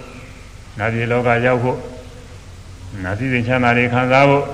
မလိုရည်ရွယ်ချက်နဲ့လည်းဒါနကုသိုလ်တွေဆိုတာပြုရပါတယ်သီလလည်းထို့တူပဲအဲဒီလိုပဲလောကအကျိုးတွေကိုရည်ရွယ်ပြီးပြုတဲ့ပုဂ္ဂိုလ်တွေလည်းရှိတာပါပဲညဇာပြလက်ထက်တုန်းက ဝိသခာတကမာကြီးရဲ့မိတ်ဆွေတွေဥပုသ်ဆောင်နေတာမေးတော့သူတို့ဘာဘာအတွက်ဥပုသ်ဆောင်တယ်လဲဆိုတော့သူတို့လောကအကျိုးတွေရည်ရွယ်ပြီးတော့ဥပုသ်ဆောင်ကြတာကိုအဲ့ဒါတွေရှိပါတယ်သူကအဲလောကအကျိုးတွေရည်ရွယ်ပြီးကြလားဥပုသ်ဆောင်ကြငငယ်ပုဂ္ဂိုလ်ကလည်းငငယ်ပုဂ္ဂိုလ်လိုက်သူတို့ရဲ့လူလားတောင်းတမှုတွေရှိကြအလားသားပုဂ္ဂိုလ်အလားသားပုဂ္ဂိုလ်လိုက်သူတို့အိမ်တော်ရေးရာတွေပါတယ်စပြီးသူတို့အဲလူချင်းတဲ့အကျိုးတွေရှိကြ ကြီးတဲ့ပုဂ္ဂိုလ်တွေလည်းကြီးတဲ့ပုဂ္ဂိုလ်တွေသူလူချင်းလူချင်းတွေရှိကြအဲ့ဒီအတွက်ရည်ရွယ်ပြီးတော့ဥပုသ်ဆောင်ရတယ်ဆိုတာကိုအဲ့ဒါတွေမြတ်စွာဘုရားတန်ခေါ်သားပြီးမြတ်စွာဘုရားလျှောက်ထားတာမြတ်စွာဘုရားတရားဟောရတရားဟောတဲ့ခါကလာကျတော့တရားတွေသိသွားပါတယ်တရားတွေရသွားအဲ့တော့လောကီအကျိုးရည်ရွယ်ပြီးတော့သီလဆောက်တည်တာလည်းရှိတာပဲဒါပဲမဲ့လို့ညသာတွေကမြတ်စွာဘုရားဤသာသနာတော်မှာတော့မမြင့်မြတ်ဘူး နိဗ္ဗာန်ကိုယူရတယ်တဲ့ဒါကြောင့်ကုသိုလ်ကောင်းမှုပြုတဲ့ပြုတဲ့အခုဒီဗုဒ္ဓဘာသာဗုဒ္ဓသာသနာဝင်ဖြစ်တဲ့ဗမာပြည်မှာဗုဒ္ဓသာသနာဝင်ပုဂ္ဂိုလ်တွေကသူတော်လေးကနှုတ်တက်နေပါပြီဣဒာမေပုံညာအသွေခယဝံဟောတုဒါလေးကသူတော်ရတာကိုဒါပဲကုသိုလ်ပြုပြုဣဒာမေပုံညာအသွေခယဟောတုမေကျွန်တော်ဣဒံပုံညာဤကောင်းမှုတရားအသွေခယဝံအာသောတရား၄ပါးရေကုံရကုံကြောင့်ဖြစ်သော မဲ့ညာပူညာနိဗ္ဗာန်ကိုရွတ်ဆောင်သည်ဟောတုဖြစ်ပါစေတည်းဒါဆုတောင်းရအဲပါဠိမပါဘဲနဲ့ဒီတိုင်းလည်းပဲမဲ့ညာပူညာနိဗ္ဗာန်ကိုသင်ညာစွာရပါလေဤကောင်းမှုကြောင့်အဲမဲ့ညာပူညာနိဗ္ဗာန်ကိုသင်ညာစွာရပါလို့ဤနိဗ္ဗာန်ကိုသင်ညာစွာဆရဝရပါစေစသည်ဖြင့်ဒီလိုဆုတောင်းလည်းပြီးတာပါပဲအခုဩဃာတဘုရားရှိခိုးထဲမှာသုံးနာပါတယ်သင်ညာပူညာနိဗ္ဗာန်ကိုသင်ညာစွာရပါလို့ဤဆိုဆုတောင်းတာရှိတယ်ရှိခိုးရမှလည်းဆုတောင်းပါတာပဲ အဲ့ဒါတွေကတော့ဝိဝေကနေပြီးတာခေါ်တယ်ကမျိုးပဲနိဗ္ဗာန်နိဗ္ဗာန်ဒီဟုသောနိတရဏဝိဝေကမှီပြီးတကလားပြုတဲ့ကုသိုလ်တွေတဲ့ဝိဝေတနိတကုသိုလ်လို့လည်းခေါ်ပါတယ်အခုဝိပဿနာရှုတဲ့နေရာတော့လောကီချမ်းသာတောင်းတာပြီးရှုရတာမဟုတ်ဘူးမဆင်စေကတော့မဉ္ဇဉ်ဘုံညာနိဗ္ဗာန်ကိုမျက်မှောက်ပြုနိုင်မှုပဲမဉ္ဇဉ်ဘုံညာနဲ့နိဗ္ဗာန်မျက်မှောက်ပြုနိုင်မှုရည်ရွယ်ပြီးတော့အားထုတ်ရပြီးတော့မှတ်တိုင်းမှတ်တိုင်းဝိဝေကနေပြီးတာဖြစ်နေတယ်မှားရတဲ့တတိလေးဟာ ဘယ်ကြီးပဲတော့နိဗ္ဗာန်သွားဖို့တဲ့နိဗ္ဗာန်သွားဖို့နိဗ္ဗာန်မျက်မှောက်ပြုဖို့အဲဝိကနေတိတာဖြစ်ဝိရာကနေတိတာဝိရာကဆိုတာလဲဝိရာကဆိုတာကလည်းပဲပြီးတဲ့ကင်းစိတ်ချင်းဆိုတာလည်းဒီတိုင်းပဲနိဗ္ဗာန်နိဗ္ဗာန်ဤသောဝိရာကကိုမှီပြီးတော့និရောဓဆိုတာလည်းကိလေသာချုပ်ရဆင်းရဲချုပ်ရနိဗ္ဗာန်မှီပြီးတော့ဒီလိုအဲရှိရပါတယ်ဒါတော့ရှုတိုင်းရှုတိုင်း ပရိသံဘုဇဉ်ပွားတာဟာဝေကနေဝိရာကနေတိတာនិရောဓနေတိတာဖြစ်ဒါကနိတရဏဝေကတည်ငါအားဖြင့်လည်းမှတိုင်းမှတိုင်းကိလေသာကင်းစိတ်တယ်မှတိုင်းမှတိုင်းကိလေသာတွေပြည့်ပြည့်သွားတယ်မှတိုင်းမှတိုင်းကိလေသာတွေချုပ်ချုပ်သွားတယ်အဲဒါဝိရာဝိရာကနေတိတာဖြစ်တဲ့နောက်တနည်းအားဖြင့်အမှန်ညာကောင်းတဲ့ခါကာလကျမှတိုင်းမှတိုင်းယုံနာနေ ပြည့်ပြည့်သွားတာတွေကိုတွေ့ရတယ်ယုံနာနေချုပ်ချုပ်သွားတာတွေတွေ့ရတယ်အဲဒီလိုတွေ့ရတဲ့ပဋိသင်္မိုးစဉ်ကမှတ်တယ်အဲပွားစေတဲ့နောက်တရင်္ဂဝေကအားကောင်းတဲ့ခါကာလကျတော့သမုတ်စေရဝုဝေကအရိယာမဲ့ရောက်တယ်အရိယာမဲ့ရောက်တဲ့ခါကာလကျတော့အဲကိလေသာတွေအမြင့်ပြတဲ့ခါလဲငြိမ့်သွားသူဆိုင်ရာဖြစ်တဲ့ကိလေသာတွေအကုန်လုံးငြိမ့်ငြိမ့်သွားတယ်အဲကိလေသာတွေလုံးဝ ကင်းစိတ်တဲ့အရိယာမညာဖြင့်အရိယာမညာအရိယာမနဲ့အရိယာမထဲမှာပါဝင်တဲ့တတိကိုပွားတယ်တဲ့အဲဒီမှာဝိရာဂကိလေသာတွေပြည့်ပြည့်ခြင်းនិရောဓကိလေသာတွေချုပ်ခြင်းအဲဒါတွေအမိပြုပြီးကြတာအရိယာမဖြစ်တယ်ဒါကြောင့်အခုဝိပဿနာရှုတာရှုတိုင်းရှုတိုင်းဟာဝိကနေတိတဝိရာနေတိတ နိရောဓနေတိတတွေဖြစ်နေတာပါပဲအဲဒီသတိတံဘုရင်တွေကိုပွားနေတာဓမ္မတစ်ခါပွားဓမ္မတစ်ခါပွားဓမ္မတစ်ခါပွားမှတ်တိုင်းမှတိုင်းအသေးသေးတွေတိုးလာတာပွားနေတာပေါ့သူကသတိတံဘုရင်ကိုပွားသည်အဲဒီသတိတံဘုရင်ဖြစ်အောင်ဘယ်နဲ့လုပ်ရမလဲဆိုတော့အာတိဘိခဝေတတိတံဘုဇင်္ဂဌာနိယဓမ္မာ တထယောနိသမသိကာရဘူးလီကတော့ယမဟာရောအနုပန္နသာဝတိတံဘုဇင်္ဂသာဥပါဒါယဥပန္နသာဝတိတံဘုဇင်္ဂသာဘိယောဘာဝယဝေပုံလာယဘာဝနာယပါရိပုရိယသံဝရတိတတိတံဘုဇင်ပွားခြင်းအကြောင်းဖြစ်တဲ့တရားလေးရှိတယ်ဘာလို့ဆိုတတိတံဘုတတိတရားပါပဲတဲ့တက္ကရာကဖွင့်တယ်တတိတံဘုဇင်ဖြစ်ခြင်းအကြောင်းတရားသတိပဲရှင်းရှင်းသောတတိတွေ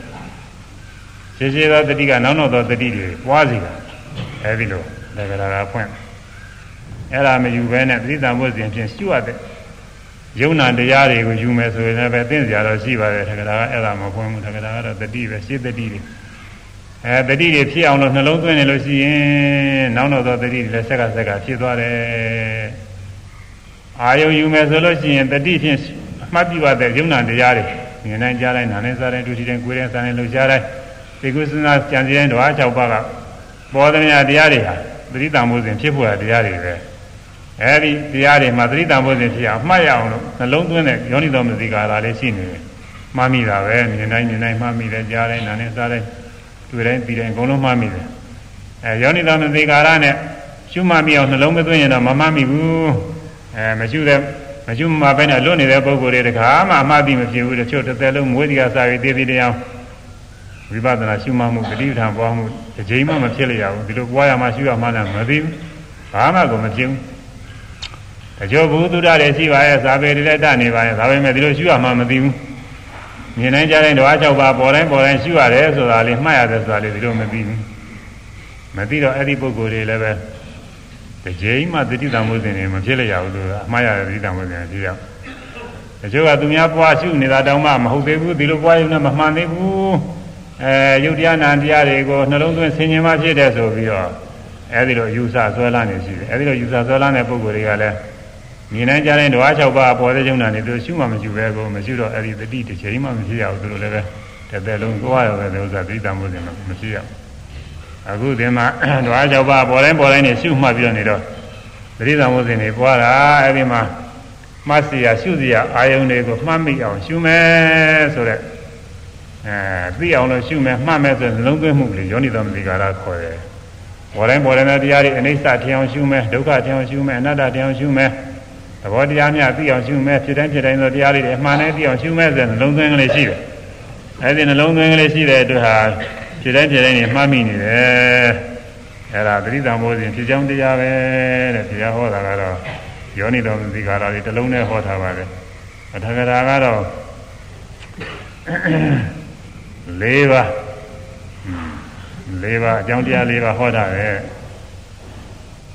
အကြောင်းတရား၄ပါးတတိတံပဇင်အမြဲရှင်းထိုးတွင်စိတ်ညွရာအဲတတိတံပဇင်တတိတံပဇင်အမြဲရှင်းခြင်းက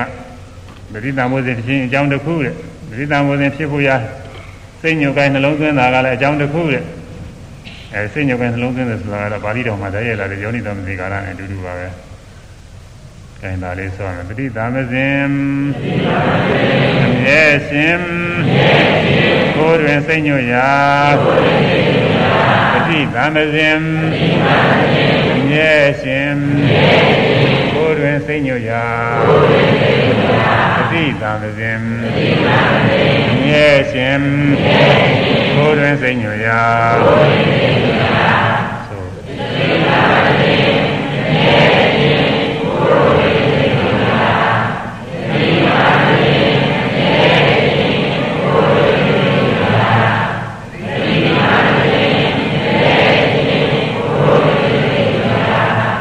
ယောဂီပုဂ္ဂိုလ်တွေကိုယ်မူရတဲ့ဖြစ်တိုင်းဖြစ်တိုင်းစိတ်မူရတဲ့ဖြစ်တိုင်းဖြစ်တိုင်းသတိသာမသိနေအမြဲရှင်းနေတာအဲ့ဒါတွေပါပဲဟဲ့လားသတိသာမစဉ်ဖြစ်ကြောင်းတရားတွေပဲသတိသာမစဉ်ဖြစ်ဖို့ရရှုရှုနိုင်အောင်မှတ်နိုင်အောင်သိနိုင်အောင်နှလုံးသွင်းပြီးတော့အားထုတ်နေတာဒါလည်းသတိသာမစဉ်ဖြစ်ကြောင်းတရားပဲမေသူရှောင်းလွဲတတိမြဲမိဝဲစိကပါတဲ့မေတဲ့ပုဂ္ဂိုလ်မௌထတတိပုဂ္ဂလပရိဝေဇနာတာတ တိလွတ်တဲ့ပုဂ္ဂိုလ်တတိမေတဲ့ပုဂ္ဂိုလ်ကိုကြင်ဆောင်ရမယ်အဲ့ဒီပုဂ္ဂိုလ်နဲ့အတူတူကအပေါင်းတင်ဆက်ဆံအဲ့ဒီပုဂ္ဂိုလ်ဆရာသမားဖြစ်နေတယ်ပဲအာရုံပြုပြီးဒီကလာမမြူဝဲမစိကရဘူးအဲဥပတိတတတိပုဂ္ဂလသေဝနာတာတတိထင်တဲ့ပုဂ္ဂိုလ်တတိကောင်းတဲ့ပုဂ္ဂိုလ်အမှတ်တရားရှိတဲ့ပုဂ္ဂိုလ်တွေမြူဝဲစိကရမယ်အဲဒီတော့အမှန်မကောင်းတဲ့ပုဂ္ဂိုလ်တွေ အမှန်အမှန်မရှိတဲ့ပုဂ္ဂိုလ်တွေမြူဝဲနေလို့ရှိရင်တော့သူတို့လိုအမှန်မရှိတဲ့ဖြစ်နေအမှန်ရှိတဲ့ပုဂ္ဂိုလ်မြူဝဲစိကလို့ရှိရင်အမှန်တတိတရားဖြစ်တယ်တချို့ယောဂီပုဂ္ဂိုလ်တွေမှုမဲ့မှတ်မဲ့နဲ့ဒီလိုနေနေတာရှိတယ်မှတ်တဲ့ချိန်တော့လည်းမှတ်တာပေါ့လေသူတို့စကားပြောနေတဲ့အချိန်တော့ဘာလို့တခါတည်းတတိလင့်အဲ့ဒီထဲမှာအမှတ်ကောင်းတဲ့ပုဂ္ဂိုလ်ရှုမှတ်နေပုံလေးမြင်ရတာနဲ့လေတို့လည်းမှားရမှာပဲဆိုပြီးအမှတ်တတိဖြစ်တယ်ဒီနေ့ကလည်းပြောတာကြားတယ်ဟိုယောဂီပုဂ္ဂိုလ်တွေတချို့ကအမှုမဲ့မှတ်မဲ့ မှမရှိပဲနဲ့လမ်းလျှောက်သွားနေအမှတ်ကောင်းတဲ့ယောဂီယောဂီမတယောက်ကအမှတ်အမှတ်ကလေးနဲ့ရှောက်ပြီးတော့သွားနေတာမြင်ရတော့သူတို့လည်းပဲတခါတည်းအမှတ်သတိရတာဆိုတာကိုအဲ့ဒီမှာအဲ့အမှတ်ကလေးနဲ့သွားကြဆိုအဲ့တော့မာသတိရှိတဲ့ပုဂ္ဂိုလ်မြှွယ်လို့ရှိရင်ပရိသတ်မှုစဉ်ဖြစ်တယ်ဒါကြောင့်မို့မေးတဲ့ပုဂ္ဂိုလ်မှားမရှိတဲ့ပုဂ္ဂိုလ်တွေရှောင်ဆွဲနေတယ်ညရှောင်လွှဲရမယ်အမှတ်သတိရှိတဲ့ပုဂ္ဂိုလ်တွေမြှွယ်စိတ်ကရမယ်ဒါလည်းပရိသတ်မှုစဉ်ချင်းအကြောင်းပဲအလုံး၄ခုပဲမေသူရှောင်လွှဲ တတိမြဲမြှွယ်စိတ်ကပါမေသူရှောင်လွှဲတတိမြဲမြှွယ်စိတ်ကပါတံဝဇ္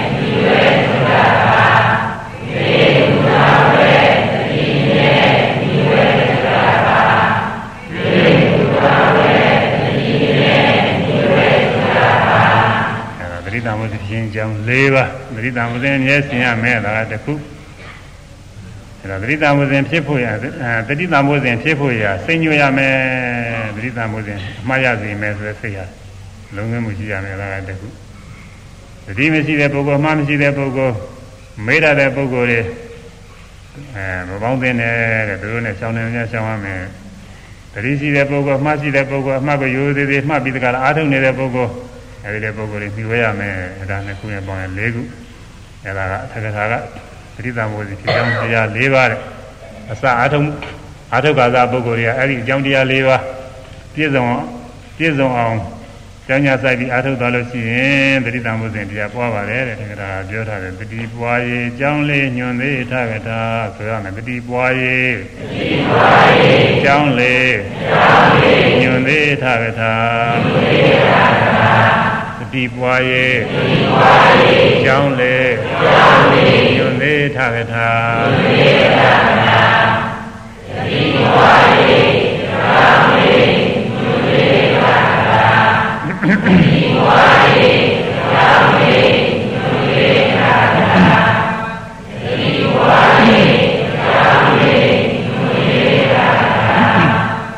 အဲဒီပွားဖို့ရအကြောင်းမာရိတော်ကတော့ ယောနိသမသိကာရပရိသမုစဉ်ဖြစ်ဖို့ရာနှလုံးသွင်းမှုယောနိသမသိကာရတခုတည်းပဲအကြောင်းပြထားတယ်တက္ကတာကတော့အကြောင်းလေးခုညွှန်ထားပါသေးတယ်အဲအကြောင်းလေးခုတည်းမှာဟိုထိုတွင်စိတ်ညွှန်ရဆိုတာကပါဠိတော်ကအကြောင်းနဲ့အတူတူပါပဲဆိုတော့သူကတက္ကတာထက်တာသုံးခုလို့ဆိုမှာပေါ့အဲဒါပရိသမုစဉ်နေ့ကဟောပြီးပါပြီခုဓမ္မဝိဇ္ဇသမုစဉ်ဟောရဓမ္မဝိဇ္ဇသမု ဓမ္မဝိစီယတန်ဖို့စဉ်ဓမ္မကကုသိုလ်အကုသိုလ်အစရှိသောတရားဝိစီယဆိုတာစီစစ်တယ်စူးစမ်းတယ်ဆင်ခြင်တယ်အဲကုသိုလ်အကုသိုလ်အစရှိသောသဘောတရားတွေစူးစမ်းဆင်ခြင်ပြီးတော့သိတဲ့ဥစ္စာဓမ္မဝိစီယပါဠိလို ဓမ္မဝိဇ္ဇာလည်းခေါ်တယ်ပညာလည်းခေါ်တယ်ဉာဏ်လည်းခေါ်တယ်အစရှိတဲ့အများကြီးပေါ်လိမ့်မယ်ဉာဏ်ဉာဏ်ပညာရဲ့အမည်နာမည်ဟိုဒီမှာဓမ္မဝိဇ္ဇာလို့ဘုဇင်မှာတော့ဓမ္မဝိဇ္ဇာဆိုတဲ့နာမည်နဲ့ဟောထားအဲဒီဓမ္မဝိဇ္ဇာတန်ဘုဇင်ကတော့လက္ခဏာအားဖြင့်ဘယ်လိုရှိတော့ဆိုလို့ရှိရင်ဝိဇ္ဇာလက္ခဏာဓမ္မဝိစေယောဓမ္မဝိစေယောဓမ္မဝိစေယသံဃောစဉ်တရားသည် ဝိစီယလက္ခဏောစူးစမ်းစည်းစစ်ဆင်ခြင်ခြင်းလက္ခဏာရှိရဲ့စူးစမ်းဆင်ခြင်တဲ့စူးစမ်းဆင်ခြင်ပြီးပြီးတဲ့သဘောပဲဒီကုသိုလ်တရားအကုသိုလ်တရားယုတ်တရားနံတရားတွေကိုစူးစမ်းဆင်ခြင်ပြီးသိတဲ့သဘောဓမ္မဝိဇ္ဇာသံဃုရှင်လည်းအဲဒါလက္ခဏာခေါ်တယ်သိရဆိုတာညာမယ်ပညာပဲအဲဒါပဲဓမ္မဝိဇ္ဇာလို့ကိုယ်စဉ်မှာတော့ဒီလိုနာမည်ပေးတာ ဒီမှာယောဂီပုဂ္ဂိုလ်တွေသိလေအောင်ကုသိုလ်အကုသိုလ်တရားတွေဆိုတော့နည်းနည်းသိခဲ့တယ်ဆိုတော့အဲယုံနာမဲ့ဝိပဿနာရှုတဲ့ပုဂ္ဂိုလ်ကယုံနာရှုနေရတာယုံနာနဲ့တရားပြတာယုံနာခွဲခြားစူးစမ်းပြီးပြီးယုံနာတရားတွေယုတ်တရားနာတရားတွေကိုရှုမှတ်ခွဲခြားပြီးတကသုံးသားဆင်ရင်ပြီးသိတဲ့ဥစ္စာတွေကဓမ္မဝိဇ္ဇာတမှုရှင်ပဲတဲ့ခိုင်သာလေးဆိုရမယ်ယုံနာခွဲခြားစူးစမ်းပြီးပြီးယုံနာခွဲခြား စူးစမ်းပြီးပြီး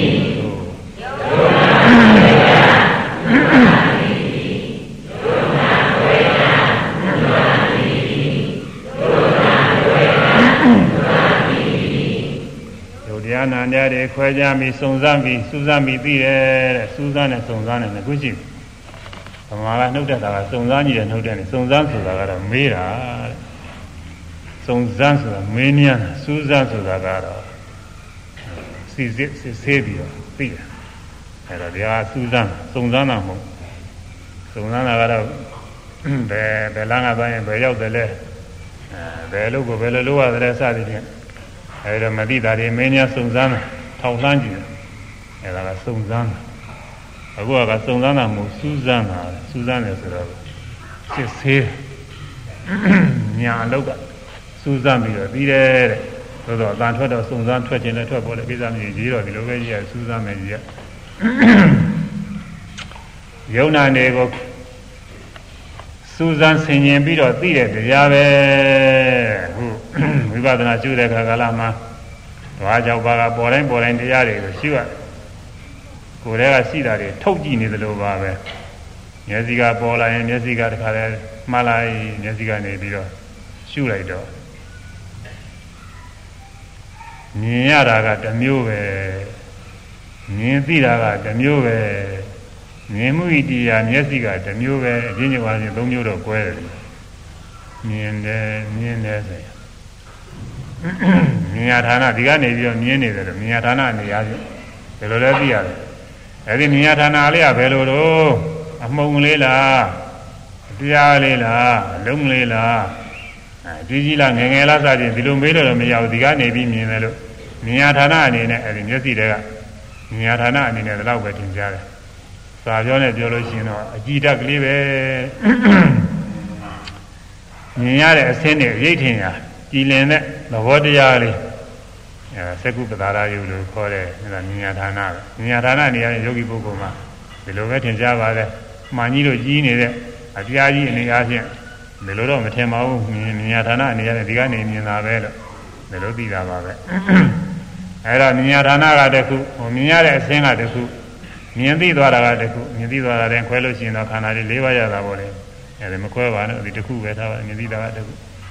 အဲ့ဒါတွေခွဲကြပြီးတော့ပြီးတယ်တဲ့မြင်တယ်မြင်တယ်မှတ်ရင်မြင်ရဌာနမျက်စိကတခြားမြင်ရတဲ့အဆင့်ကတခြားမြင်သိသွားတာကတခြား ဒီလိုပြီးတယ်နောက်ရှုမှတ်တယ်သိရဲ့ရှုမှတ်သိရဲ့အသိကတခြားဒီလိုလည်းပဲခွဲကြပြီးတော့သိတယ်အဲ့ဒီလိုသိရင်ဒါနာမရူပပရိစ္ဆေဒညာမယ်ပထမဆုံးကဒီလိုသိရမှတ်သိစရာယုတ်ကတခြားမှတ်သိနေတဲ့စိတ်နာကတခြားဒီလိုဝဲပြပြီးတော့ပထမရှုခါသာပုဂ္ဂိုလ်များသောဖြင့်ရုပ်ရှုရတယ်ရုပ်ရှုရတော့ဒီလိုပဲသင်ကြားပါတယ်သွားတယ်ဆိုတော့ သွားတယ်ဆိုရင်သွားတယ်သွားတယ်လို့ပဲမှတ်သိဖြစ်စေကြွတယ်လှမ်းတယ်ချတယ်လို့ပဲမှတ်သိဖြစ်စေကိုယ်တည်းကတောင်နဲ့လှုပ်ရှားတဲ့သဘောလေးဒီရင်တွေ့ချင်းတောင်နဲ့လှုပ်ရှားတဲ့သဘောလေးရွေ့ရွေ့သွားတာကိုသိရတယ်အဲ့ဒီမှာတောင်းနဲ့လှုပ်ရှားတဲ့ရွေ့ရွေ့သွားတဲ့တကိုယ်လုံးယုတ်ကတချာသိသိနေတာလေးကတချာဒီနှစ်ခုရှိတယ်ယုံနေတာဒီနှစ်ခုရှိတယ်ပဂရိပုဂ္ဂိုလ်နေရာချင်းတော့သွားတိုင်းသွားတိုင်းဟာ ငါပဲငါသွားနေတယ်ဒီလိုပဲထင်တယ်ယောက်ျားပုဂ္ဂိုလ်ကလည်းငါယောက်ျားပဲဒီလိုထင်တယ်မိန်းမလည်းငါမိန်းမပဲဒီလိုထင်တာပဲသူကအဲငါသွားနေတယ်လို့သွားနေတဲ့ပုဂ္ဂိုလ်အသက်ရှင်နေတဲ့ပုဂ္ဂိုလ်ကသွားနေတဲ့နေရာချင်းဒီလိုပဲတင်တယ်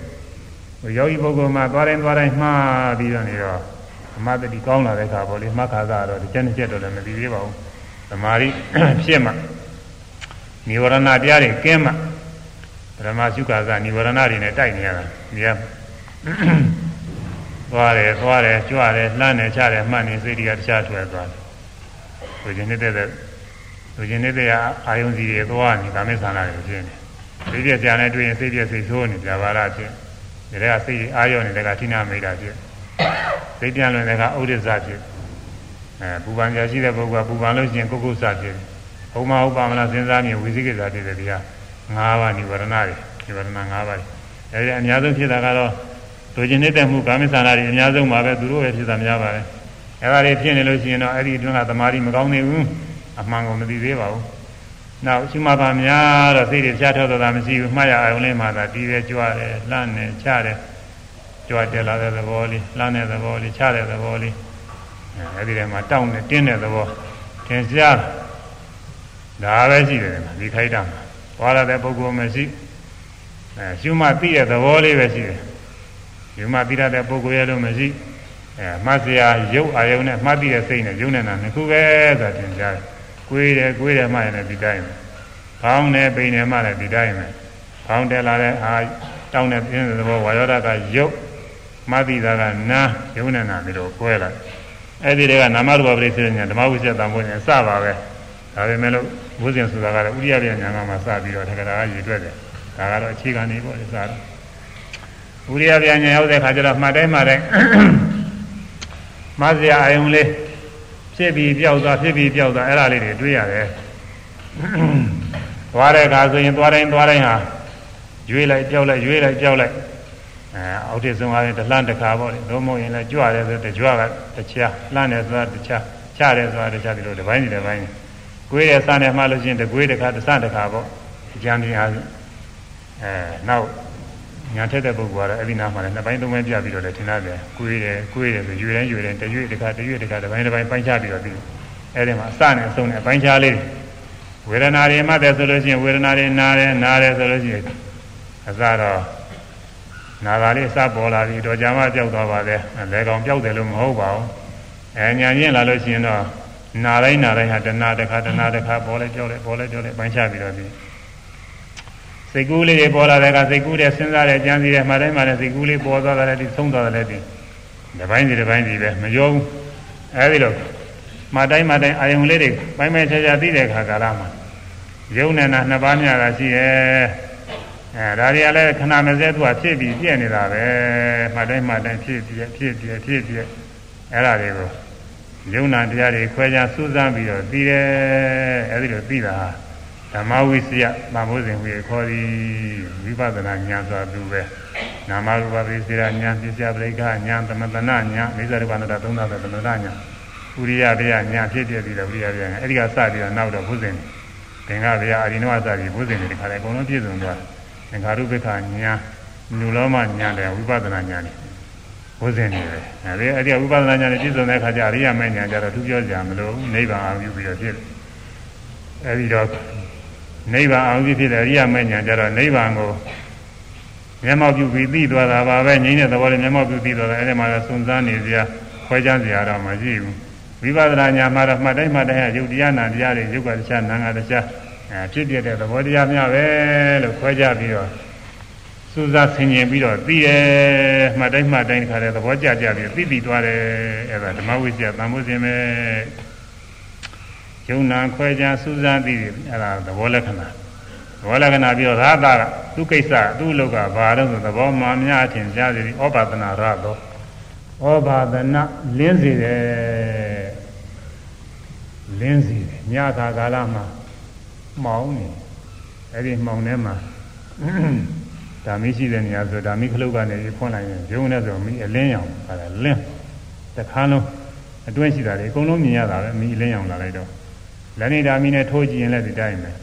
အကြောင်းတိုင်းမိကြီးချစ်ပြီးတကလည်းကျမိကြီးကလေးချိတ်သားနဲ့လင်းတော့ပါပြီအဲဒီပြောင်းနေထွန်းတာလင်းတခါလုံးလင်းခါနဲ့ရှိတာလေအကုန်လုံးမြင်ရအဲဒီမိဟာမိရောင်လာ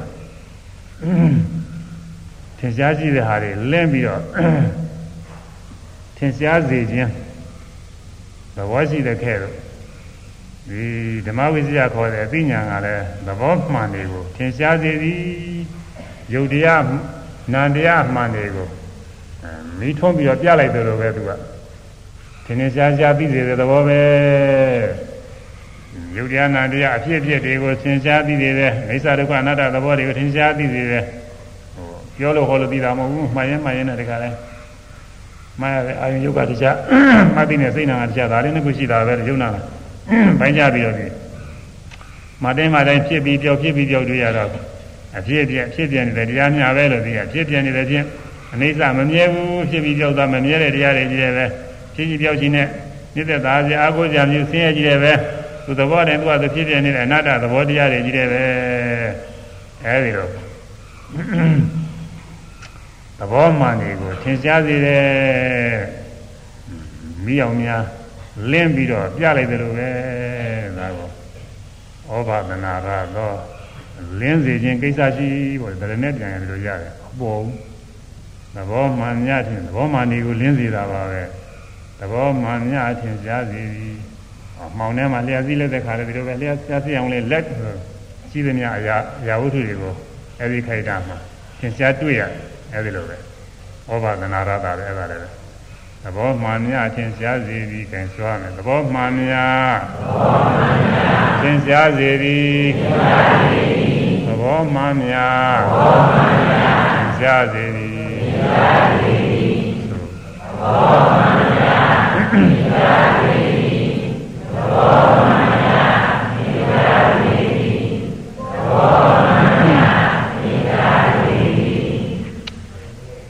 သာသသူ့အလုပ်ပဲမီးရောင်ဟာလင်းပြီးတော့ရှိတဲ့ရာဝဋ္ဌိကိုထင်ရှားစေတာသူ့အလုပ်ပဲ အဲလျှက်စည်းရောင်လူလူပဲလင်းပြီးတော့ရာဝဋ္ဌိထင်ရှားစေတာသူ့အလုပ်ပဲအဲဒါလိုပဲညာအသိဉာဏ်ကလည်းပဲယုံနာတရားတွေအနိစ္စဒုက္ခအနတ္တတရားတွေအဖြစ်အပျက်သဘောတရားတွေကိုအမှန်တွေကိုထင်ရှားသိစေတာပဲထင်ရှားထင်ရှားပေါ်စေတာပဲဒါသူ့အလုပ်ပဲနော်အတ္တမောဟပစ္စုပ္ပထာ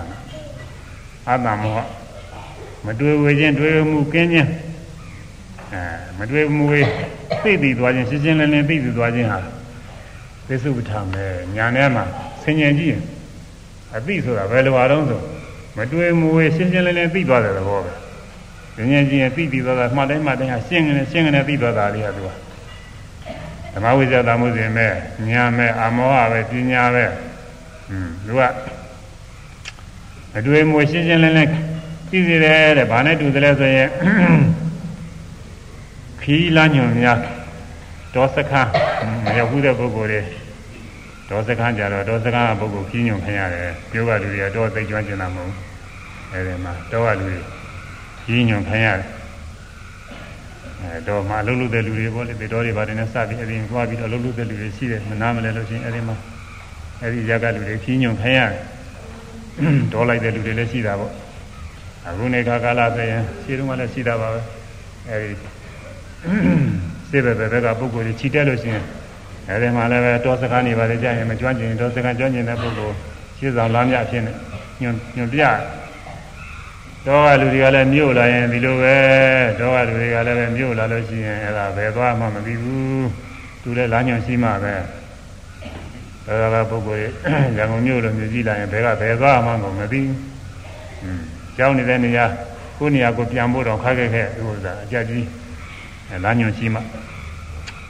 အဲဒီလမ်းညွန်တဲ့ပုဂ္ဂိုလ်ကတော့သူကြည်နေတာပဲဘယ်နာကသွားဘယ်ရောက်သည်ဘယ်နာဘာလေးရှိသည်သူအကုန်လုံးမြင်နေတာအဲဒါလမ်းညွန်ပုဂ္ဂိုလ်ကရှေ့ကနေပြီးတော့တခါတည်းကောက်ကောက်ကောက်ကောက်နဲ့ရှေ့ကသွားနောက်ကမသိတဲ့ပုဂ္ဂိုလ်လည်းလိုက်ရတာပဲဒီနောက်ကအဲဒီမှာနောက်ကပုဂ္ဂိုလ်တွေအမြင်နဲ့တော့ရှိရတယ်တော်တော်ကြီးတာပဲဒီလမ်းနေသူတော်တော်သိခဏကနေဘာလေးရှိနေတော်တော်သိတာပဲအဲဒီလိုထင်ကြတယ်အဲဒီလိုပဲတဲ့ဓမ္မဝိဇ္ဇာသမှုစဉ်စဉာဏ်ကလည်းပဲ မတွေ့မွေသိတဲ့သဘောပဲတွေ့မှုကင်းရှင်းရှင်းသိတယ်တွေ့တွေ့မှုမရှိဘဲနဲ့ဒီလားဒီလားဟုတ်လေလားမဟုတ်လေလားလို့တွေးမနေရတယ်လို့အဲဒီသဘောတရားလေးတွေကိုတွေးမနေရဘူးဒီတိုင်းဆင်ញင်ကြည့်မယ်ဆိုလို့ရှိရင်တော့တွေးရတယ်ဆိုတာယုတ်တရားနာတရားတွေသဘောတွေဘယ်ကဘယ်လိုပါလိမ့်အဲဘာကဘာဆိုတာပါလိမ့်တွေးရတယ်ယောဂီပုဂ္ဂိုလ်ရှုမှတ်နေတော့သူကသေချာ လက်နဲ့ကင်ကြည့်လို့သိနေတာပဲဘောင်းနဲ့ပိန်နဲ့ထိုင်နဲ့အထိရဲ့မြင်နဲ့ကြားတယ်စသည်နဲ့ခါတယ်မှတ်တယ်အာယုံစီမသွားရတဲ့ရုပ်တရားလေးဆိုတာဒီဟာပဲအာယုံစီသွားတဲ့သဘောကဒါပဲသိကုရဲ့စဉ်းစားတဲ့ကြံနဲ့သိတယ်အာယုံစီရောက်သွားတဲ့သဘောသိထင်ကြတာသူကသိတဲ့သဘောလေးအဲကြွားတယ်လှမ်းတယ်ချတယ်ကိုယ်တယ်ဆန့်တယ်ရုပ်တွေမှတကသူကမသိတာဘူးအဲမှတ်သိတဲ့စိတ်ကလေးကသိတတ်တယ်မသိတတ်တဲ့ရုပ်နဲ့သိတတ်တဲ့နာနဲ့ဒါလေးနှစ်ခုရှိတာပဲ မှန်ရင်မှန်ရင်လည်းရှင်းနေတယ်တွေးမနေရဘူးအဲဒီတော့မရှိမှပဲနဲ့ဒီတိုင်းစဉ်းစားကြည့်ရင်တော့တွေးရတယ်မှန်ရင်မှလည်းမှန်ပါတယ်တွေးတဲ့ဥစ္စာတခါတည်းကလည်းလွယ်လျှောက်တွေးလွယ်တွေရောက်တတ်တာပါပဲအဲတွေးမှုကင်းတယ်ခုနခီးညွန်ဟာသူသူကြည်နေတဲ့လမ်းဆိုတော့ဒီနာကြဘယ်သွားမှာပါလဲစဉ်းစားမှုမရှိဘူးတခါတည်းတန်းနဲ့တန်းနဲ့သူကသွားအဲညာဘက်ကိုယ်ဘယ်ဘက်ကိုယ်ကိုယ်ကြာရှိတယ်ကိုယ် လမ်းွယ်လမ်းွယ်တွေရှိတယ်ပဲအဲဒီလမ်းွယ်လမ်းကတွေမှတ်တိုင်မရှိပါဘူးဒေါ်စကားကြည်တဲ့ပုဂ္ဂိုလ်မှတ်တိုင်မရှိဘူးမြို့မှာတော့မှတ်တိုင်နေနဲ့ဘာလန်းဘာလန်းနေအဲ့ဒါတွေမှတ်ပြူသွားနေတာဘောမှတ်တိုင်မရှိဘူးသူကြည်နေတာသူကတခါတည်းလိုရလိုရလမ်းတဲ့တဲ့တန်းတန်းသူသွားတယ်အဲ့ဒါလိုပဲဒူဝေမှုဒူဝေမှုဆိုတာမသိမချတာပေါ့လေမသိတာဟုတ်မဟုတ်ပါမလားဆိုတာတွေနဲ့ရောတော်တော်ကြီးဖြစ်နေတယ်အဲဒီလိုဒူဝေမှုမရှိဘဲနဲ့ရှင်းရှင်းလင်းလင်းကိုသိတဲ့သဘောပဲမှတ်တိုင်းမှတိုင်းရှင်းနေရှင်းနေအဲဖြစ်လာတဲ့သဘောပြက်သွားတဲ့သဘော ဖြစ်ပြီးပြက်သွားတဲ့အိဋ္ဌမမြဲတဲ့သဘောအဲဒုက္ခဆင်းရဲတွေပဲအနတ္တအတ္တကောင်မဟုတ်တဲ့သဘောတရားများပဲဆိုတာရှင်းရှင်းလင်းလင်းတခါမှတ်တိုင်းမှတိုင်းသိပြီးသွားတာကိုအဲဒီလိုသဘောဟာလားပစ္စုပ္ပထာမယ်ဓမ္မဝိဇ္ဇာသံဃောစဉ်ဉာဏ်တရားရဲ့အခြေအနေအချင်းရပဲဉာဏ်အသိဉာဏ်ဆိုတာဘယ်နဲ့ပါလဲစဉ်းစားလိုက်ရှင်းရှင်းလင်းလင်းသိသွားတဲ့သဘောပဲသိရမယ့်တရားတွေကိုဒူဝေခြင်းမရှိပဲနဲ့ ရှင်းရှင်းလင်းလင်းသမ်းသပြတ်မြတ်ပြတ်ပြတ်သားသားတိတိကျကျတဲ့ခါလေသိသိသွားတဲ့သဘောပဲကဲဆိုရမယ်ဒူဝေမှုကင်းရှင်းရှင်းသိသည်ဒွေဝေမှုကင်းရှင်းရှင်းသိသည်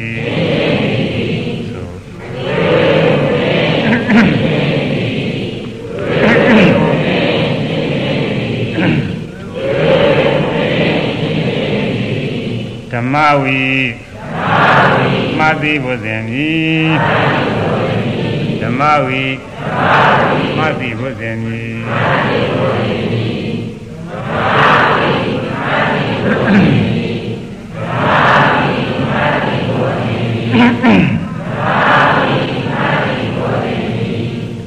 ဓမ္မဝိဇ္ဇာတံဝတ်စဉ်ဆိုတာဒါပဲ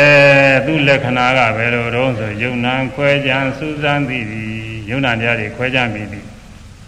လေသာရုပ်နာတာတွေလည်းသိတာပါပဲအဲ့ဒါတွေမထည့်နိုင်လို့ဒီမှာယုံနာတရားတွေခွဲကြပြီးတော့စူးစမ်းပြီးပြီးပြီအဲသူ့လက္ခဏာပဲငါဝိဇ္ဇာသံဃေဉာဏ်ဆိုတာဒါပဲဓမ္မတိုင်းမှာတိုင်းယုံနာတရားတွေခွဲကြပြီးတော့ဟာဉာဏ်မဲ့သဘောမှန်မြထင်ရှားစေသည်ယုတ်တရားနံတရားအိဋ္ဌဒုက္ခအနတ္တအဖြစ်ဖြစ်သဘောတွေပေါ်လွင်စေတယ်ရှင်းသွားတယ်မိနဲ့ထွန်းပြသလိုပဲဓမ္မတိုင်းမှာလည်းရှင်းရှင်းသွား တွေ့မူကင်းရှင်းရှင်းသိသည်ပြစုပ္ပထာသူသူ့အခြေအနေကဘယ်ပုံဘယ်ချိုးစားမျိုးတုံးဆိုတွေ့ခြင်းမရှိဘဲနဲ့ပြက်ပြက်သားသားရှင်းရှင်းလင်းလင်းသိပြီးသွားတဲ့သဘောပါပဲဓမ္မဝီမှတ်သိမှုစဉ်ဒီဓမ္မဝိစေတံမှုစဉ်မှာကောင်းတဲ့အခါသင်ကြားပါလေနာမရူပပရိစ္ဆေကညာရစပြီးနည်းနည်းနည်းနည်းသင်ကြားလာဥရိယပြညာညာသိသင်ကြားတာဥရိယပြညာမှာလည်းအနုပိုင်းနဲ့ဟိုနောက်ပိုင်းအကြောင်းလဲပိဋိပတ်တာတွေပျောက်ပြီးတော့အဲမှတ်လို့အ ထူးကောင်းနေတဲ့ခါတွေအဲ့ဒီမှာသာရှင်းရှင်းပြီးရတယ်။သင်္ကညာနေပါလေဆိုတော့အထူးရှင်းတာပေါ့အဲ့ဒီမှာ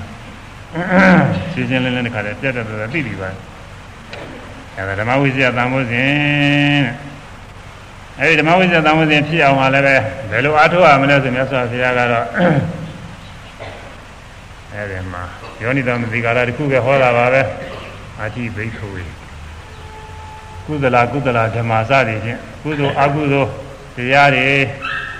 ဘာဝိဇ္ဇအနာဝိဇ္ဇပြည့်စုံပြည့်မဲ့တရားတွေဒီနာပတိဒအယုံမြတရားတွေကာဏတုက္ကသဗ္ဗတိဘာကအငြင်းညစ်သဘောတူတဲ့တရားတွေရှိတယ်အဖြူနဲ့အမဲအဖြူဟာအဖြူနဲ့သာတူတယ်အမဲနဲ့မတူအမဲအမဲနဲ့သာတူတယ်အဖြူနဲ့မတူအဲဒီလိုပဲကုသိုလ်ဟာကုသိုလ်နဲ့သာတူတယ်အကုသိုလ်ဟာအကုသိုလ်နဲ့သာတူတယ်ကုသိုလ်နဲ့မတူနာနာတရားနဲ့သာတူတယ်ရုပ်ဟာရုပ်တရားနဲ့သာတူနာနဲ့ရုပ်နဲ့မတူဘူးတခြားစီအဲဒီလိုတရားတွေရှိပါတယ်တဲ့ တထာယောနိသောမသိကာရဘူးလိကာတော့အဲဒီတရားတွေမှာယောနိသောမသိကာရသိနေကနှလုံးသွင်းတယ်အနိစ္စမမြဲတာသိအောင်ဒုက္ခဆင်းရဲသိအောင်အနတ္တအတ္တမဟုတ်တဲ့သဘောသိအောင်အတုပမတင့်နေတဲ့သဘောသိအောင်နှလုံးသွင်းတယ်အဲဒီခုဖြစ်တိုင်းဖြစ်တိုင်းနေတိုင်းရှုမှတ်နေတာပဲအဲဒီယောနိတော်ဒီကာရတွေနဲ့နှလုံးသွင်းရှုမှတ်နေမြင်တိုင်းကြားတိုင်းနားနဲ့စားတဲ့အလားယုံနာတရားတွေပဲအဲဒီယုံနာတရားတွေကို ယောနိတော်မသိကာရခေါ်တဲ့ရှုမှတ်မှုအိစ္ဆဒုက္ခအနတ္တတရားရှုမှတ်မှုပြင်ရှုမှတ်ပြီးတော့နေလို့ရှိရင်ဓမ္မဝိဇ္ဇသံဃောစဉ်ဖြစ်ခြင်းအကြောင်းပဲမဖြစ်သေးတဲ့ဓမ္မဝိဇ္ဇသံဃောစဉ်လည်းဖြစ်မယ်ဖြစ်ပြီးတော့ဓမ္မဝိဇ္ဇသံဃောစဉ်နဲ့တိုးတက်ပွားများပြီးတော့ပြည့်စုံသွားမယ်အဲ့ဒီအကြောင်းတရားဟာယောနိတော်မသိကာရပါပဲရှုမှတ်နေမှုပဲဒီမှာအထကရာကတော့ခေါဏပါးပြတယ်အဲ တတ္တကမှာဓမ္မဝိဇ္ဇသံဃောစဉ်ကဥပ္ပါဒယသံဝတ္တန္တိခုနပါးသောတရားတွေဟာဓမ္မဝိဇ္ဇသံဝုဇ္ဇဉ်ဖြစ်ဖို့ရအကြောင်းတရားတွေပဲဘာတွေတော့ပရိပုစကတာမင်းမြန်မင်းမြန်တတ်သည်ဖြစ်မင်းမြန်ခြင်းမင်းမြန်လို့ရှိရင်လည်းဓမ္မဝိဇ္ဇသံဝုဇ္ဇဉ်ဖြစ်တယ်မသိမေးမစင်ဆေးဆိုတာပဲမသိတာတွေမေးရတာမေးရင်တော့အသိလေးရလာတာပေါ့မသိတာမေး ရတာပဲလောကဘက်ကလည်းမသိတာတွေမေးသိတာပဲမသိတာမမေးခြင်းလို့ဒီတိုင်းဟန်ဆောင်နေလို့ရှိရင်မသိဘူးဒါမသိတာမေးလိုက်မှမသိတဲ့ပုဂ္ဂိုလ်မေးလိုက်မေးလိုက်လို့ရှိရင်သူပြောရင်အဲ့ဒါသိရလူနာမည်မသိရင်အဲ့ဒီနာမည်လည်းမေးလိုက်ရင်သိသွားတာမမေးပဲနေရင်တော့ဒီလူပဲနဲ့ခေါ်ပါလိမ့်မသိဘူးဒါကတော့ဘုဇင်မှုပြေဘူးဒါတွေကတော့လောကကဥပမာပေါ့အဲတရားဘက်ကနေပြီးတော့သိရမယ်တရားတွေယုတ်တရားနာတရားတွေအဲ့ဒါတွေနားမလည်ရင်မေး ယောဂီပုဂ္ဂိုလ်တွေမှာနားမလည်တာမေးရတာပဲတချို့ကပြောကြတယ်အဲ့ဒါပြောကြတယ်ဆိုတော့ခန္ဓာ၅ပါးမသိတရားထုတ်လို့မဖြစ်တယ်ပြောကြတယ်ဒိသသမုပ္ပါမသိရင်တရားထုတ်လို့မဖြစ်တယ်ပြောကြတယ်ဒါခန္ဓာ၅ပါးတို့ဒိသသမုပ္ပါတို့သိအောင်လို့ပဲအားထုတ်နေရတာပဲအားထုတ်ရင်သိတာပေါ့ဆရာသမားနဲ့ နိနေတရားခံပြီးတော့အဆုံးမဩဝါဒခံယူပြီးအားထုတ်နေရင်ဘဝလေးကြက်မှလေးလာနေဖို့မလိုပါဘူးအားထုတ်နေရင်သူကသိတာမသိမေးရမှာပဲမေးရင်ဆရာသမားသိရမှာမမေးဘဲနဲ့လည်းဖြေးနေတာပါပဲမမေးဘဲနဲ့လည်းယောဂီပုဂ္ဂိုလ်နေနေတဲ့နေတဲ့ကမ္ဘာဆရာမေးရင်စီရင်တဲ့တရားတွေဟောနေတာဒါတွေပဲခန္ဓာ၅ပါးနဲ့စတဲ့တရားလည်းဟောတာအာရဏနဲ့စတဲ့တရားဓာတ်နဲ့စတဲ့တရားသစ္စာနဲ့စတဲ့တရားပရိစ္ဆေသမုပ္ပါနဲ့စတဲ့တရားအကုန်လုံးဟောနေတာပဲ ဟောတဲ့ဟောလိုက်တာသိသိသိတဲ့တော့ဟောနေတာမသိတဲ့တာတွေတော့မဟောဘူးသိဖို့ကမလိုတဲ့ဥစ္စာတွေမဟုတ်သိဖို့ကလိုတဲ့ဥစ္စာတွေဟာနေ့စဉ်နဲ့အမျှဟောနေတော့ဒါတွေကသိနေတာပဲအဲဒါမေးမြန်းရင်လည်းသိတယ်မမေးဘဲနဲ့လည်းဆရာတွေကပြောဟောနေတော့သိတာပေါ့အဲ့ဒီသိတဲ့ဥစ္စာတွေကဒါတွေကဓမ္မဝိသတ်တန်ဖို့စဉ်အခြေခံနေပေါ့လေဒါသိကများလေးကတော့အဲဘုရားဗျာညာရောက်တဲ့ခါကာလကျတော့လည်းမှတ်တိုင်းမှတ်တိုင်းအဲ့ဒီမင်းများထားလို့ကြားဘူးတဲ့အသိလေးတွေ အဲ့ဒီအသိမျိုးတွေဟိုမှာသိတာကိုပြီးတော့ဩဟိုဟိုတုန်းက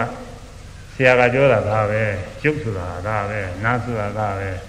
ဖြစ်တယ်ဆိုတာဒါပဲပြည့်တယ်ဆိုတာဒါပဲဆိုတာမှန်ရင်မှန်ရင်သူကသိသွားမတိုင်းမတိုင်းဖြစ်ပြီးပြောက်ဖြစ်ပြီးပြောက်အခုလိုပြောတော့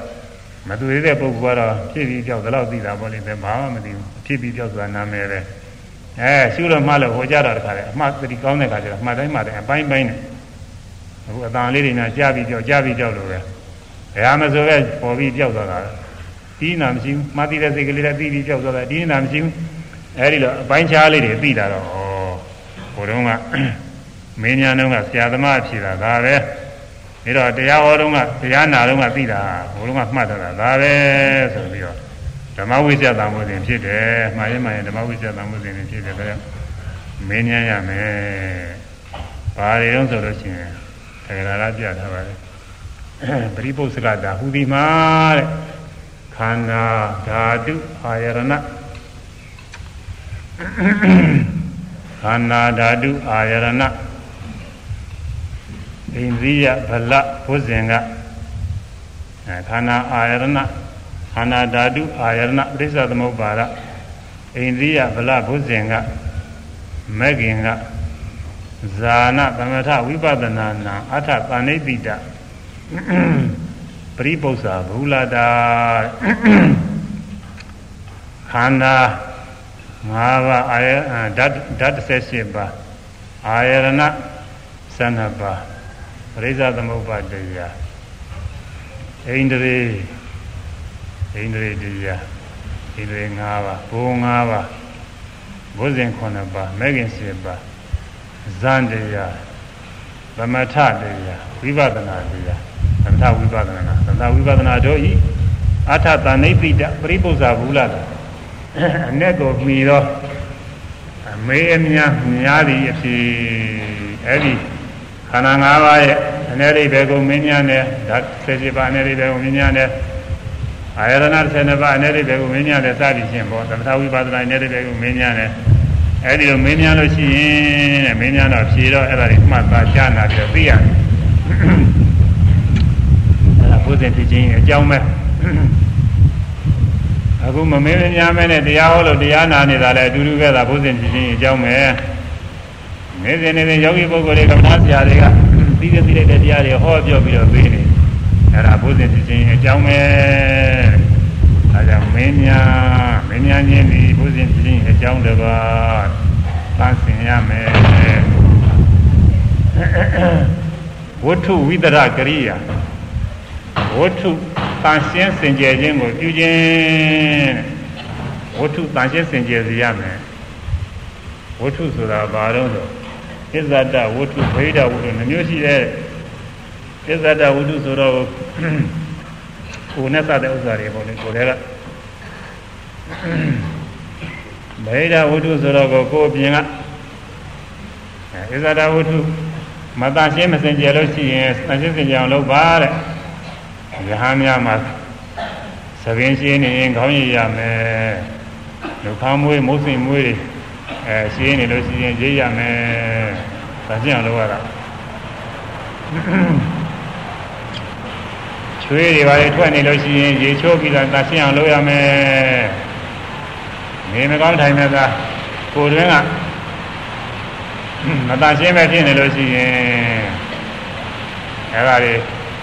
သေစာပြုပြီးတော့ဓာတ်တွေပါလေချုပ်နေလို့ရှိရင်ဖြင့်အဲဒါတရှင်းစင်ကြအောင်လုပ်ဖို့ကြမ်းမအောင်လုပ်ရမယ်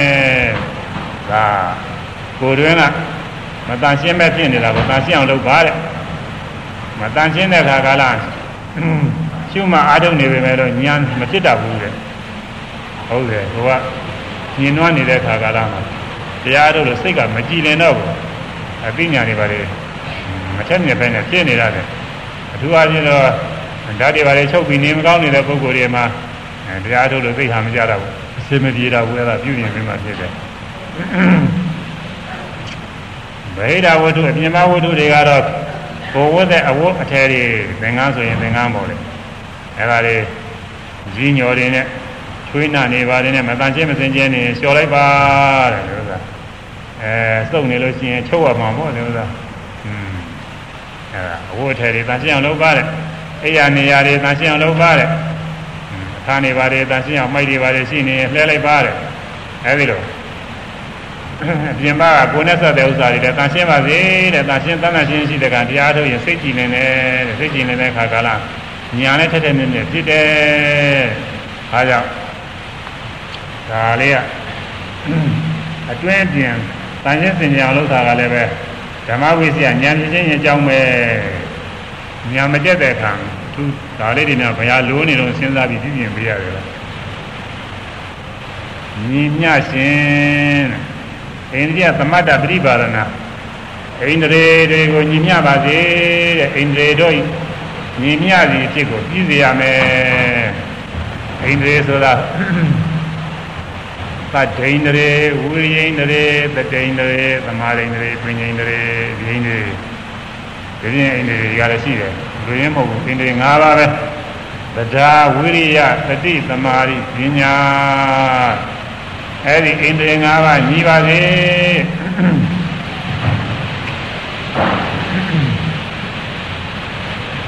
တခါတည်းဗ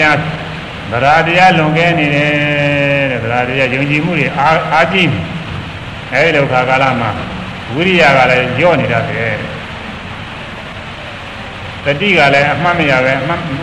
ဖြစ်တိုင်းဖြစ်တိုင်းမမှတ်နိုင်မဲနဲ့အားနေနေတတ်တယ်သမာဓိကလည်းစွစိတ်တည်ကြည်မှုမရှိဘဲနဲ့ဖြစ်နေတတ်တယ်ဗရာတရား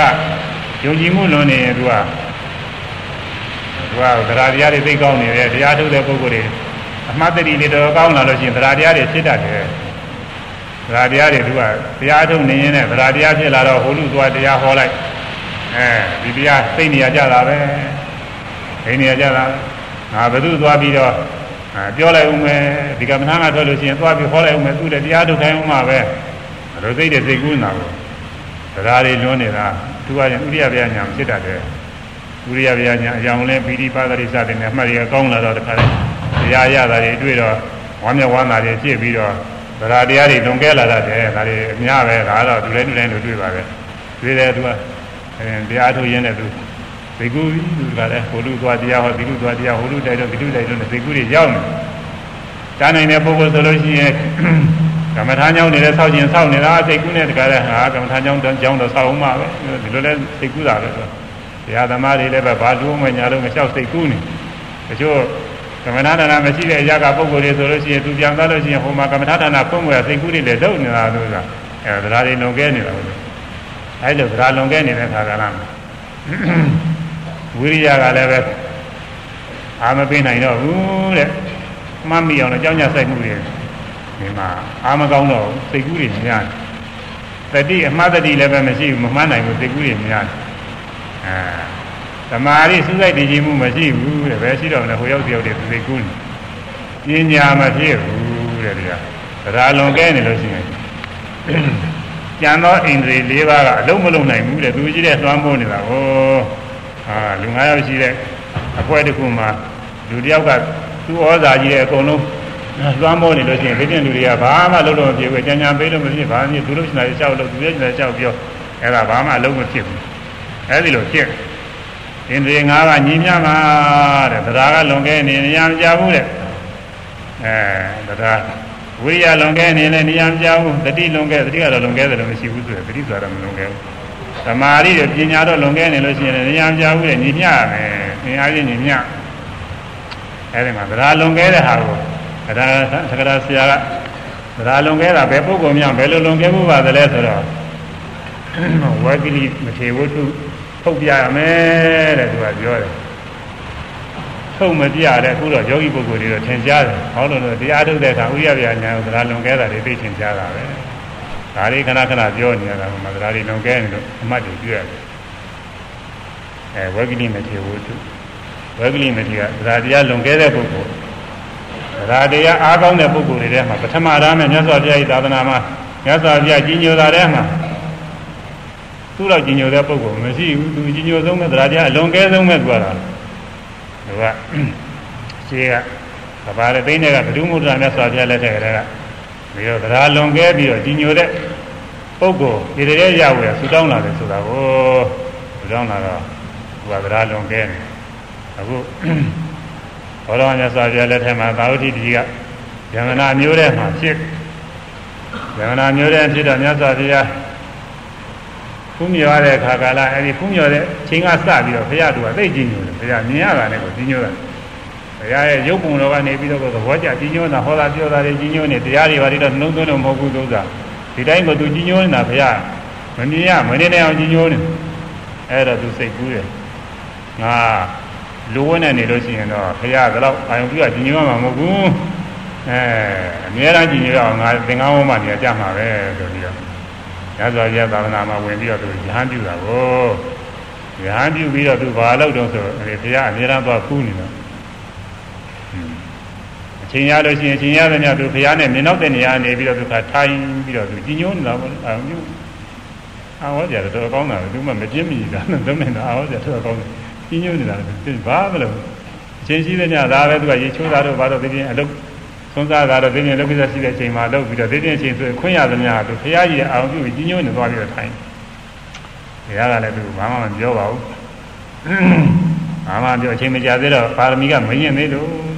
အိန္ဒိမြင်သေးလို့ဘာမှမပြောဘူးဒီတိုင်းပဲအိန္ဒိရင်းကျက်လို့နှစ်တော်လောက်တဲ့အချိန်ကြာတော့မှမြတ်စွာဘုရားပြောတယ်အလဝကလိ ဣမိနာပုတိကာယေနာဒိဋ္ဌိနာကိန္တေဣမိနာပုတိကာယေနာဒိဋ္ဌိနာဝကလိဝကလိယံအလမသိတော်ဘူးဝကလိတဲ့သင်ဒီလိုကြီးတဲ့အာယုံပြုကြီးညွှန်းလို့မတော်ဘူးတဒေသင်အာဣမိနာပုတိကာယေနဒိဋ္ဌေနဤပုဒ္ဒသောဘုကာကြီးကိုရှုရနေခြင်းဖြင့်ကိဉ္ဘာကျို့ရှိရမ ည်ဘုဒ္ဓတဲ့ဘုကောင်ကြီးရဲ့မြတ်စွာဘုရားသူ့ကိုယ်ကိုလည်းဘုဒ္ဓတဲ့ဘုကောင်ကြီးလို့ပဲဟောပါတယ်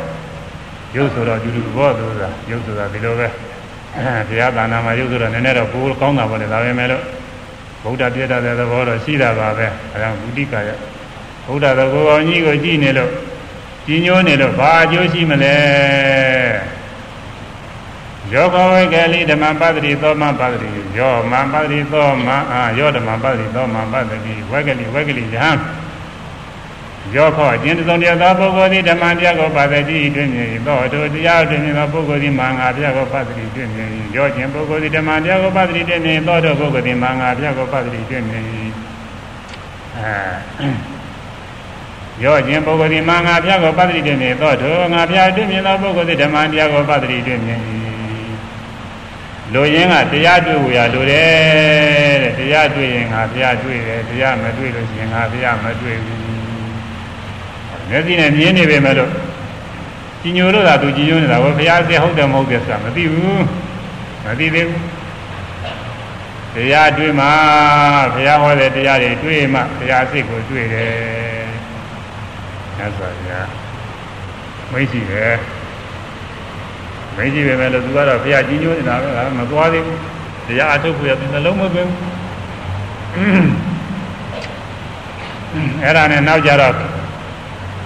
ဒီတိုင်းထားလို့တော့မဖြစ်ဘူးလို့သူနှင်ဦးမှာပဲဆိုရင်မြတ်စွာဘုရားနှင်လိုက်ငါဘုရားထာမှာမနေရဘူးဆိုပြီးတော့နှင်လိုက်တော့သူစိတ်ပြည့်ပြီးတော့တခြားမှာသွားပြီးတော့နေရတာကို အဲ့ဆိုဘုရားမကူရတော့ဘူးဆိုပြီးသိပြပြီးဘုရားရှာမှာသွားနေအဲ့ဒါမှာဗရာတရားအကြီးညိုတွေနဲ့ညော့သွားတာပေါ့လေအစားကတော့လွန်ကဲကဲကြီးမဟုတ်တက်တာပါဗရာတရားညော့အောင်လို့မြတ်စွာဘုရားအမိန့်ထုတ်လိုက်တယ်မြတ်စွာဘုရားကြီးညိုယုံလောက်ကုသိုလ်ရမယ့်ပုဂ္ဂိုလ်တော့ကြီးညိုဖို့ရပဲမြတ်စွာဘုရားခွင့်ပြုထားပါတယ်ကြီးညိုယုံနဲ့မကပဲနဲ့ဝိ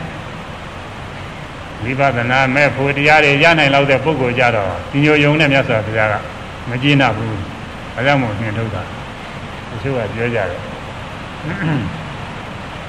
ဒီကတရားထုတ်ဖို့ရတိုက်တွန်းလို့ရှိရင်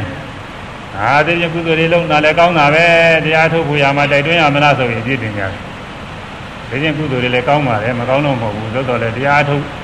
ရင်ပို့ပြီးကောင်းလို့တိုက်တွန်းရတာပဲမြတ်စွာဘုရားလည်းပဲဒီလိုပဲ မြတ်စွာဘုရားကြီးညိုမြလောက်ထိုက်တန်တဲ့ပုဂ္ဂိုလ်ကတော့ကြီးညိုယုံမဲ့မြတ်စွာဘုရားခွင့်ပြုထားပါတယ်ဒါပို့ပြီးတော့မတိုက်တွန်းပါဘူးကြီးညိုယုံမဲ့မထကုံလီတထေသားဆိုတာရှိတယ်မထကုံလီတထေသားသူကသူ့ဖေကလည်းပဲအမနာကစင်းနေမို့ဘုရားစီလည်းမရောက်ရဘုရားဆိုတာလည်းကြားလည်းကြားဘူးမရပါဘူးသူကအဲဒီနောက် မကြမ်းမှာဖြစ်အသေးအတန်ဖြစ်ဘိလူဒီကနေ့ကျတော့အိမ်နဲ့သိနေနေရာမကြဘူးဆိုရင်ပြင်ထုတ်တာအဲ့ဒီအချိန်မှာမြတ်စွာဘုရားကသူမြင်လောက်တဲ့နေရာကိုကြွသွားတယ်အဲ့ဒီမြတ်စွာဘုရားမြင်ရတဲ့အခါမထကုံဒီပတိတာကြီးညိုတယ်ဟောငါဒီမြတ်စွာဘုရားစောစောကမကြီးညိုရဘူးမဖူးမြော်ဘူးခုမှကြီးညိုရတယ်ဆိုပြီးတော့မြတ်စွာဘုရားအောင်ပြုပြီးကြီးညိုတယ်ကြီးညိုတော့ခဏနေမှာပေါ့သိကြမှာမဟုတ်ပါဘူးအဲ့ဒါမြတ်စွာဘုရားကဘယ်လောက်ပဲသူတော်လောက်ပြီ ဘယ်လောက်ကြည်ညိုရင်ကုသိုလ်ရသွားပြီကုသိုလ်တွေဖြစ်သွားရင်နတ်ပြည်ရောက်နိုင်တဲ့အချိန်တွေရှိပြီနတ်ပြည်ရောက်တဲ့အခါကာလကျတော့တရားဓုကိုရနိုင်တာပဲလို့မြတ်စွာဘုရားကြည်ညိုခံရုံတော့ကလေးပဲအဲဒီမှာချင်းမြောက်ပါတယ်ဗမာရကုံလေးသေသာတရားနှလုံးသွင်းဘာတွေမဟုတ်ဟောလို့လည်းမဖြစ်ဘူးဒီချိန်မှာဟောဖို့ရတယ်မဖြစ်နိုင်ဘူးအဲဒီတော့ကြည်ညိုရုံတော့ကုသိုလ်ရရုံတော့ကလေးထိုက်တန်တဲ့ပုဂ္ဂိုလ်မြတ်စွာဘုရားကြည်ညိုရုံတော့ကုသိုလ်ရရုံလေးနဲ့ချင်းမြောက်ပါတယ် သိချင်းတိုးတက်ပြီးတော့တရားတွေပဲအထုဖို့မခိုင်းအဲဒီအမာရကုံလေးတတိယမကြခင်သေသွားတော့နတ်ပြည်ရောက်နတ်ပြည်ရောက်ပြီးသူတို့ပြောမှနောက်တော့မြတ်စွာဘုရားတရားနာပြီးတော့တရားထုတွေရသွားတယ်လို့ဆိုပါတယ်အဲဒါသူသူ့စင်တာနဲ့သူမြတ်စွာဘုရားချင်းမြောက်တယ်ဝါကလေးကြတော့ကြီးညိုယုံနေမဟုတ်ဘူးသူတရားထုရရမယ်ပုဂ္ဂိုလ်ပဲရနိုင်တဲ့ပုဂ္ဂိုလ်ဆိုမြတ်စွာဘုရားကြီးညိုနေယုံနဲ့ကြီးညိုတဲ့ကုသိုလ်ဘုရားနုသတိလို့ဆိုရမှာပေါ့သူက အဲဒီကုသိုလ်လောက်နဲ့ဘုရားအားမရဘူးနှင်ထုတ်လိုက်တာသူကမနာမနေနဲ့ငါလာကြည့်မနေနဲ့နှင်ထုတ်လိုက်နှင်ထုတ်လိုက်တော့အဲဒီမှာကြီးညိုတဲ့သရာစိတ်တွေကြောတာမများတော့ကြော့သွားတာပေါ့သူကနှင်ထားရတယ်ဆိုရင်နည်းနည်းတော့ကြော့သွားတာပဲကြော့ရမှာအဲဒါကြော့သွားပြီးတော့ဓမ္မဗရထေရတွေမှာပြောတဲ့အတိုင်းထေရတွေကဒီလိုပဲပြောပါတယ်ဟိုထဲမှာဘုဒ္ဓဘာသာလည်းတိုင်းနေပြောညစွာဘုရားမဖူးရလို့ရှိရင်တော့ငါ လူလောကနေတာနေရာကြတော့ပါဘူးဆိုပြီးတော့ဒေသကုတ်တော်မွားတက်ပြီးခုံချပြီးတော့ပြင်မလို့ဆိုတာကိုဆိုတာဒါဒီကအားကောင်းပြီးတော့စိတ်တွေစိတ်တွေအတော်နှုတ်နေတာညစွာဘုရားနှင်းလိုက်တာလေးကိုသိမခံနိုင်ဘူးဖြစ်မှာဒီလိုပုံကိုယ်လည်းကြည့်ရမှာလေကွာစိတ်တွေအတော်နှုတ်အဲတောင်မွားခုံချဖို့ရတောင်မွားနေပြီးတော့ခုံချမလို့လည်းလုံနေတဲ့အထက်မှာမြတ်စွာဘုရားက နေနေနေရာကနေပြီးတော့အရာအောင်လေးနေလှုပ်ဆုံးမဩဝါဒပေးတယ်အေးဝဂလိမာဘာကြီးစတယ်ပြဝဂလိဒါတော့မစိုးရင်လည်းကြောက်နဲ့မြတ်စွာဘုရားလည်းမြင်ရမြတ်စွာဘုရားလည်းသူခေါ်တာတွေကြားတော့သူစိတ်ထဲတစ်ခါလဲအဲဒါစိတ်တွေပြန်ပြီးအားတက် ဗမောဇဘူလောဘိက္ခုသနာဗုဒ္ဓသာသနေဒီကိစေဗဒံသာနာသင်္ခါရုပသမတု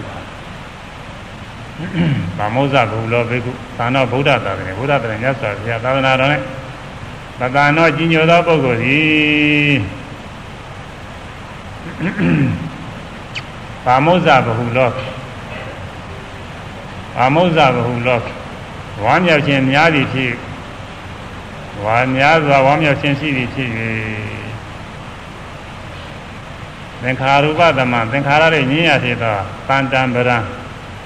အေးငိမ့်သောနိဗ္ဗာန်ကိုအဓိကစေရနိုင်သည်မြတ်စွာဘုရားဒီတရားဟောဝေကလိကျင်လိုသရာတရားလွန်ကဲပြီးတော့မြတ်စွာဘုရားသာသနာတော်ကြီးညိုပြီးတော့ပိဋိပမောဇ္ဇတွေမြင်နေတဲ့ပုဂ္ဂိုလ်ဟာသင်္ခါရချုပ်ငင်းရဖြစ်တဲ့နိဗ္ဗာန်ရနိုင်တယ်စသည်ဖြင့်ဒီလိုတရားတွေဟောအဲဒီမှာဒါကြတာကပြထားတာ ဝမ်းမြောက်ဝမ်းသာပီတိတွေဖြစ်ပြီးတော့မြတ်စွာဘုရားလည်းငါခေါ်တယ်ဘယ်ကသွားရပါမလို့ဆိုတော့ဘယ်ကနေသွားရမလဲဆိုတာလမ်းနေပါလေးကိုမစဉ်းစားနိုင်ဘူးတောင်းတောင်ဆောင်မှာဖုန်ချမယ်အလုပ်မှာမြတ်စွာဘုရားစီကိုရှိကတဲ့တဲ့တဏ္ဍာညာကိုထားတယ်ဒီလိုကောင်းငင်ကြီးမှာပေါ်လေခုံချတဲ့သဘောမျိုးပါအရင်လှမ်းသွားရတာပီတိပါမောဇာနဲ့ဇောက်ထိုးတော့ကြမှာဘူးတော်သေးရဲ့သူစားပီတိပါမောဇာတွေအဟုန်နေတဲ့ခါကျမြတ်စွာဘုရားထံကိုရောက်လာတယ်ဆိုတဲ့သူကအဲဒီမှာတရားလည်းနှလုံးသွင်းရင်းနဲ့ ညာနာလည်းဖြစ်သွားတယ်အဲဒီဝက်ကလေးမထေသရာတရားတွေလုံးနေလို့ဘာမှအလုံးလုံးမဖြစ်တဲ့အခါမြတ်စွာဘုရားသရာတရားရောက်အောင်နှင်ထုတ်လိုက်ရတယ်နှင်ထုတ်လိုက်မှဘယ်မှသရာတရားနဲ့ရော့သွားပြီးတော့နောက်ပြန်ပြီးတော့ခေါ်တဲ့အခါတရားဟောတဲ့အခါတရားနှလုံးသွင်းလို့ဖြစ်တရားတွေရတယ်ဒါကြောင့်သရာတရားလွန်ကဲနေတဲ့အခါအဲဒီသရာတရားရော့အောင်လုပ်ရတယ်အခုယောဂီပုဂ္ဂိုလ်တွေဝိရိယပြညာရမယ်သရာတရားတွေသိဖြစ်တယ်အဲဒါ ကမ္မရာဆရာတွေကကြည့်ပြီးတော့သူကညွှန်ကြားရတယ်သရာတရားရော့အောင်လုပ်ရတယ်သရာတရားတွေပြိုင်ထားလို့ရှိရင်ဉာဏ်မကြဘူးတော့ကြာတောင်ပြောပြောပြောနေတာတော့ဉာဏ်မကြောက်အဲဒီမှာသူရော့အောင်လုပ်ရတယ်နီးနီးနဲ့ရော့အောင်လုပ်ရတယ်သရာတရားဖြစ်အောင်စဉ်းစားတဲ့နှလုံးသွင်းမှုကလေးရှိတယ်အဲဒီနှလုံးသွင်းမှုကလေးရင်လည်းပယ်ဖြောက်ပြရမယ်ဒီလိုထပ်ပြီးနှလုံးမသွင်းစေနဲ့အဲတရားထုတ်လို့ရှိလို့မှလို့ကောင်းတာတွေစဉ်းစား စဉ်းစားတော့သရာတရားတွေဖြစ်အဲ့ဒါတွေမစဉ်းစားစေနဲ့အဲသရာတရားဖြစ်ဘာဝညာညာတွေလုံးမယ်လျှောက်ပြီးတော့စဉ်းစားနေတယ်တွေမလုံးနဲ့ရှုမှတ်ရမယ်မှတ်ခိုင်းရတော့မို့တရားသဘောရင်လည်းစဉ်းကျင်ခိုင်းရမယ်အဲအခုယောဂီပုဂ္ဂိုလ်တွေရှုမှတ်နေတာကတော့စဉ်းကျင်တာလိုပါပဲအတူတူပါပဲသူကနာကြပါတယ်မှတ်တိုင်းမှတ်တိုင်းအပြီးဝန်တာတာတွေမှတ်ဒီညိုတာမှတ်ပေါ်တိုင်းပေါ်တိုင်းတွေမှတ်ပို့ပြီးတော့ကောင်းလာလိမ့်မယ် လမ်းကြရတယ်ဒီလိုပဲပြောရတယ်ကိုယ်လည်းကောင်းလည်းကောင်းတာပဲအဲ့ဒါတွေမှားတဲ့ခါကျတော့မှသရာတရားတွေတစ်ဖြည်းဖြည်းကြော့ကြော့ကြော့ကြော့ကြော့ပြီးတော့အမှားတွေကိုကောင်းလာတယ်သရာတရားကြောင့်ဒီလိုလုပ်ရတယ်နောက်ပြီးတော့သတ္တိန်တွေပြီးတော့ဝိရိယင်တွေကိုအဲဝိရိယင်တွေသရာပြီးတော့ဝိရိယဝိရိယလွန်ကဲနေလို့ရှိရင်လည်းကြောင်းညပြပါဝိရိယတွေမြနေလို့ရှိရင်လည်း သရာတရားကလည်းကြည်နေတဲ့သိကြည်လည်မှုကိုမရှိဘူးတဲ့ဝိရိယတွေမြားပြီးကြောင်းညတွေသိဆိုင်တာဟိုဟာလို့လည်းဒီဟာလို့လည်းကြောင်းညတွေမြားနေလို့ရှိရင်သိပဲကြည်နေတော့မယ်သိကြည်နေအေးချမ်းချမ်းမဖြစ်တော့ဘူးအဲဒါဝိရိယလွန်လို့သရာလည်းပဲသူကိစ္စသူမစွမ်းဆောင်နိုင်တော့ဘူးတဲ့တတိကလည်းအမှန်မရနိုင်တော့ဘူးတဲ့မြင်တိုင်းကြားတိုင်းပေါ်တိုင်းပေါ်တိုင်းယုံနာနေပေါင်းနေပင်နေစသည်ဖြင့်ပေါ်ညတွေမမှတ်နိုင်တော့ဘူးတဲ့ကြောင်းကြဆိုင်အဲစိတ်ပြန့်နေတယ်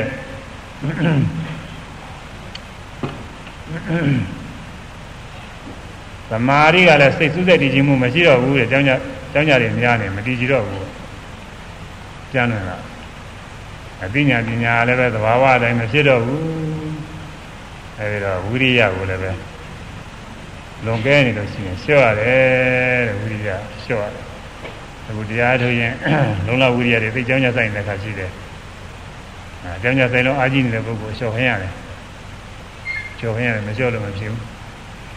မြတ်စွာဘုရားလက်ထက်တော်ကာလတုန်းကတော့ဘောနာမထေဆိုတာရှိတယ်အဲ့ဒီမထေဝတ္ထုထုတ်ပြမယ်တဲ့တက္ကရာကပြကြတယ်ဘောနာမထေဆိုတာလည်းဘုရုမုဒ္ဒရာနဲ့ဆိုကြလက်ထက်ကလေးက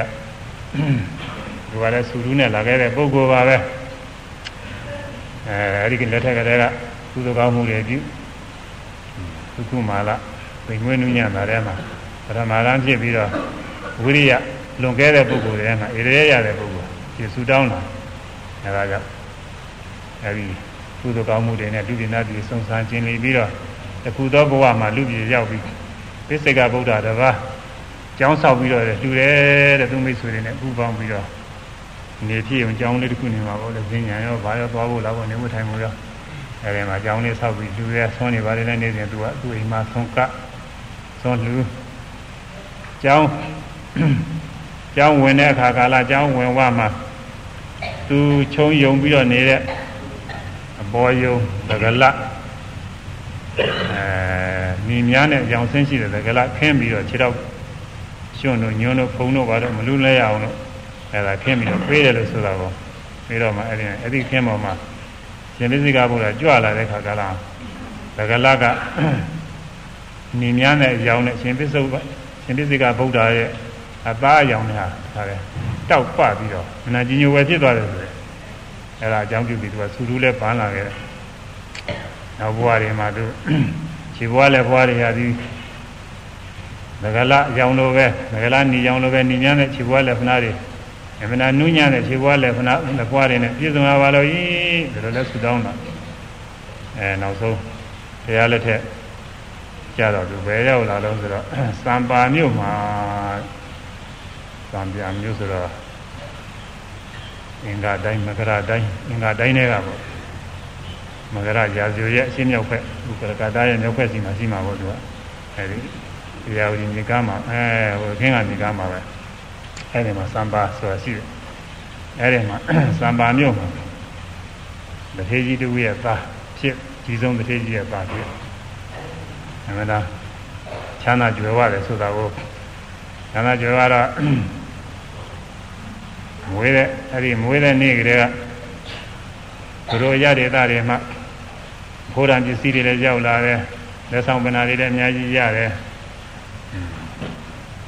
နောက်ပြီးတော့သူ့ရဲ့ရုပ်ဆင်းကလည်းပဲအသားရည်တွေကြည့်ရတော့နေမြပြီးတော့နေလို့ဘောနာဆိုပြီးနာမည်ဘောနာဆိုတာညီတယ်ဆိုတဲ့အိဗယ်ရှိပါတယ်မောင်ညီပေါ့လေဘောနာဆိုတဲ့နာမည်ပေးတာ ငငယ်တွေကအထင်းကြောင်းနေနဲ့အမနာကိုယူယူရအထင်းကြောင်းတာလေဒီဘွားတွေဘာတွေများလဲအမနာနူးညံ့တယ်ဒီဘွားလည်းဘွားတွေကလည်းဒီဘွားလည်းဘွားတွေကလည်းသူများခြေမိုးလည်းဖမိုးလို့နူးညံ့နေရတူးပါတယ်သူကနာနူးညံ့နေဒီဘွားလည်းဘွားတွေမှာအမွေးတွေတော့ပေါက်နေဆိုတာကိုတော့နူးညံ့ပုံကတော့အဲ့ဒါငြီးကြီးဆိုရင်ပြင်မထိဘူးမနှင်းဘူးရှိဘွား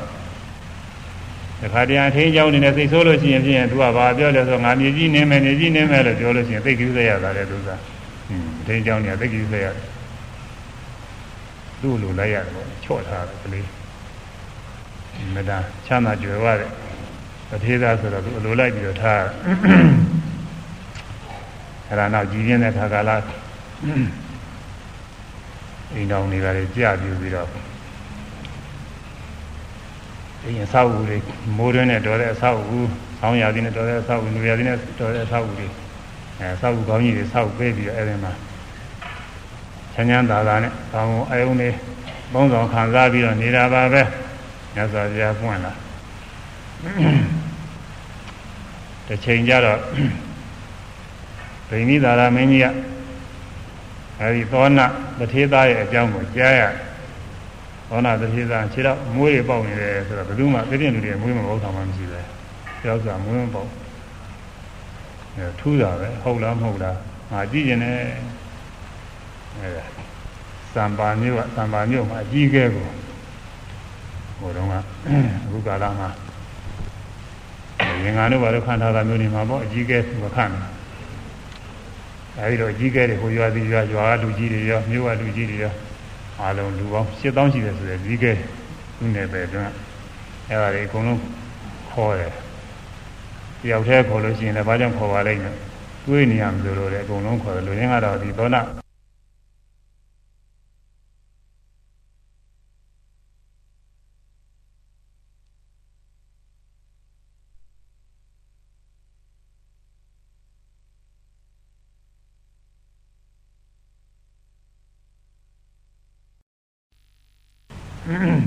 ဒီဘဝတရားပါ အဲဒီလိုထိုင်ရမယ်လို့မှားလိုက်တယ်မှားလိုက်တော့ဟိုရောက်တော့သူ့မေမှားလိုက်တဲ့အတိုင်းဗိမိတာရမင်းကြီးရှိမှဒီနေ့ခွေးထိုင်တော့ဗိမိတာမင်းကြီးကကြည့်ဟုတ်သားပဲဟုတ်မှာတော့ထူးတယ်လူပဲတော့ထူးတယ်လူပဲသိပြီးတော့လောကရေးရနဲ့သုံးသင်စရာညွှန်ကြားစရာတွေသူကသုံးသင်ညွှန်ကြားပြီးတဲ့ခါကလာအေးငါလောကရေးရတော့မင်းတို့ညွှန်ကြားပြီး တရားရေးရနဲ့စသည်သံဃာရေးရလောကုတ္တရာရေးရတွေမှာမြတ်စွာဘုရားထံသွားကြအောင်မြတ်စွာဘုရားကသူနဲ့ဆုံးမလိမ့်မယ်ဆိုပြီးဝေလွန်အကြောင်းတော်မြတ်စွာဘုရားထံကိုလွှတ်လိုက်လွှတ်လိုက်တဲ့ခါကာလမှာအဲ့ဒီမှာမြတ်စွာဘုရားအဲ့ဒီတော့ကဝိယုံငယ်ပြုနေတာရှင်သာဂတမတိဆိုတဲ့ဉာဏ်နာမဟုတ်ဘူးရှင်သာဂတမတိကတကောဣရိပနဲ့ပြည့်စုံတယ်ပြည့်စုံတော့ရှင်သာဂတရှင်သာဂတမတိကြီးသွားပြီးတော့မြတ်စွာဘုရားဖူးခြင်းနဲ့မြတ်စွာဘုရား ကုမြောက်တော်ကိုရာဆွံ့ပြပါဆိုတော့ရှင်သာရမေကအာနာဂုရီရဲ့အပြင်ဘက်ကနေပြီးတော့သူကတကိုးနဲ့မြေကြီးတွေကဝင်သွားတယ်ဆိုတာကိုမြတ်စွာဘုရားရှိရောက်တော့မှထွက်ပြီးတော့ရှောက်အဲဒီကနေပြီးတော့ရှောက်ပြီးတော့တခါပြန်ပြီးတော့အကြောင်းကြားအကြောင်းကြားတော့အဲဒီရှစ်ပေါင်းသောလူကြီးလူကောင်းတွေပေါ်တယ်ရွာလူကြီးတွေမြို့လူကြီးတွေအကြီးကဲသူတို့ စိတ်တော်ကြဗရာတရားဖြစ်တယ်။ဒီတော့ဒီကိုယ်တော်တဲ့တကိုးရှိတာပဲ။ဒီကြီးတွေကဝင်ဒီကြီးတွေကထွက်သွားနိုင်တယ်တဲ့တော်တဲ့ကိုယ်တော်ပဲ။ဆိုတော့ဒီမှာသဘောကြမှတည်းမြတ်စွာဘုရားတကိုးဤပါလေပြခိုင်းတယ်လို့ဆိုပါတယ်။တကိုးဤပါမပြဘူးလေအဲဒီတော့ကဒီသိက္ခာကိုပြညာပုံပြီးတော့မရသေးဘူးတော်တော်စောပုံရပါတယ်။အဲဒီမှာတကိုးဤပါဒီမျိုးပြမြတ်စွာဘုရားကတော့မြတ်စွာဘုရားကဆရာပါတကြီးတော်ကတကြီးပါဆိုပြီးလျှောက်တော်မှာ မြတ်စွာဘုရားကြီးတတိတော်မှာဒီလောက်တကိုးကြည့်တာပဲမြတ်စွာဘုရားဆိုရင်အများကြီးကိုကြည့်မယ်ဆိုမြတ်စွာဘုရားကြီးညိုကြတရားတွေနာကြတရားတွေကြတော့လည်းပုဂ္ဂိုလ်တွေလည်းကြပါရှင်သောနာကတော့သောနာသောနာတတိသားကတော့မြတ်စွာဘုရားတရားနာပြီးတော့ငါဒီတိုင်းနေလို့တော့မဖြစ်ဘူးလူပေါင်းလောကဆိုရင်မြတ်စွာဘုရားဟောတဲ့တရားကိုအမြဲမပြတ်စင်ကြဲနေအောင်အားထုတ်ဖို့ခက်တယ်အဆုံးစိတ်ကြောင့်စင်ကြဲအောင်အားထုတ်ရမယ် သူကစိတ်တိုင်းစိတ်တိုင်းစိတ်ပြည့်နေအားထုတ်အခုသတိရတရားတွေရှုမှအားထုတ်နေတော့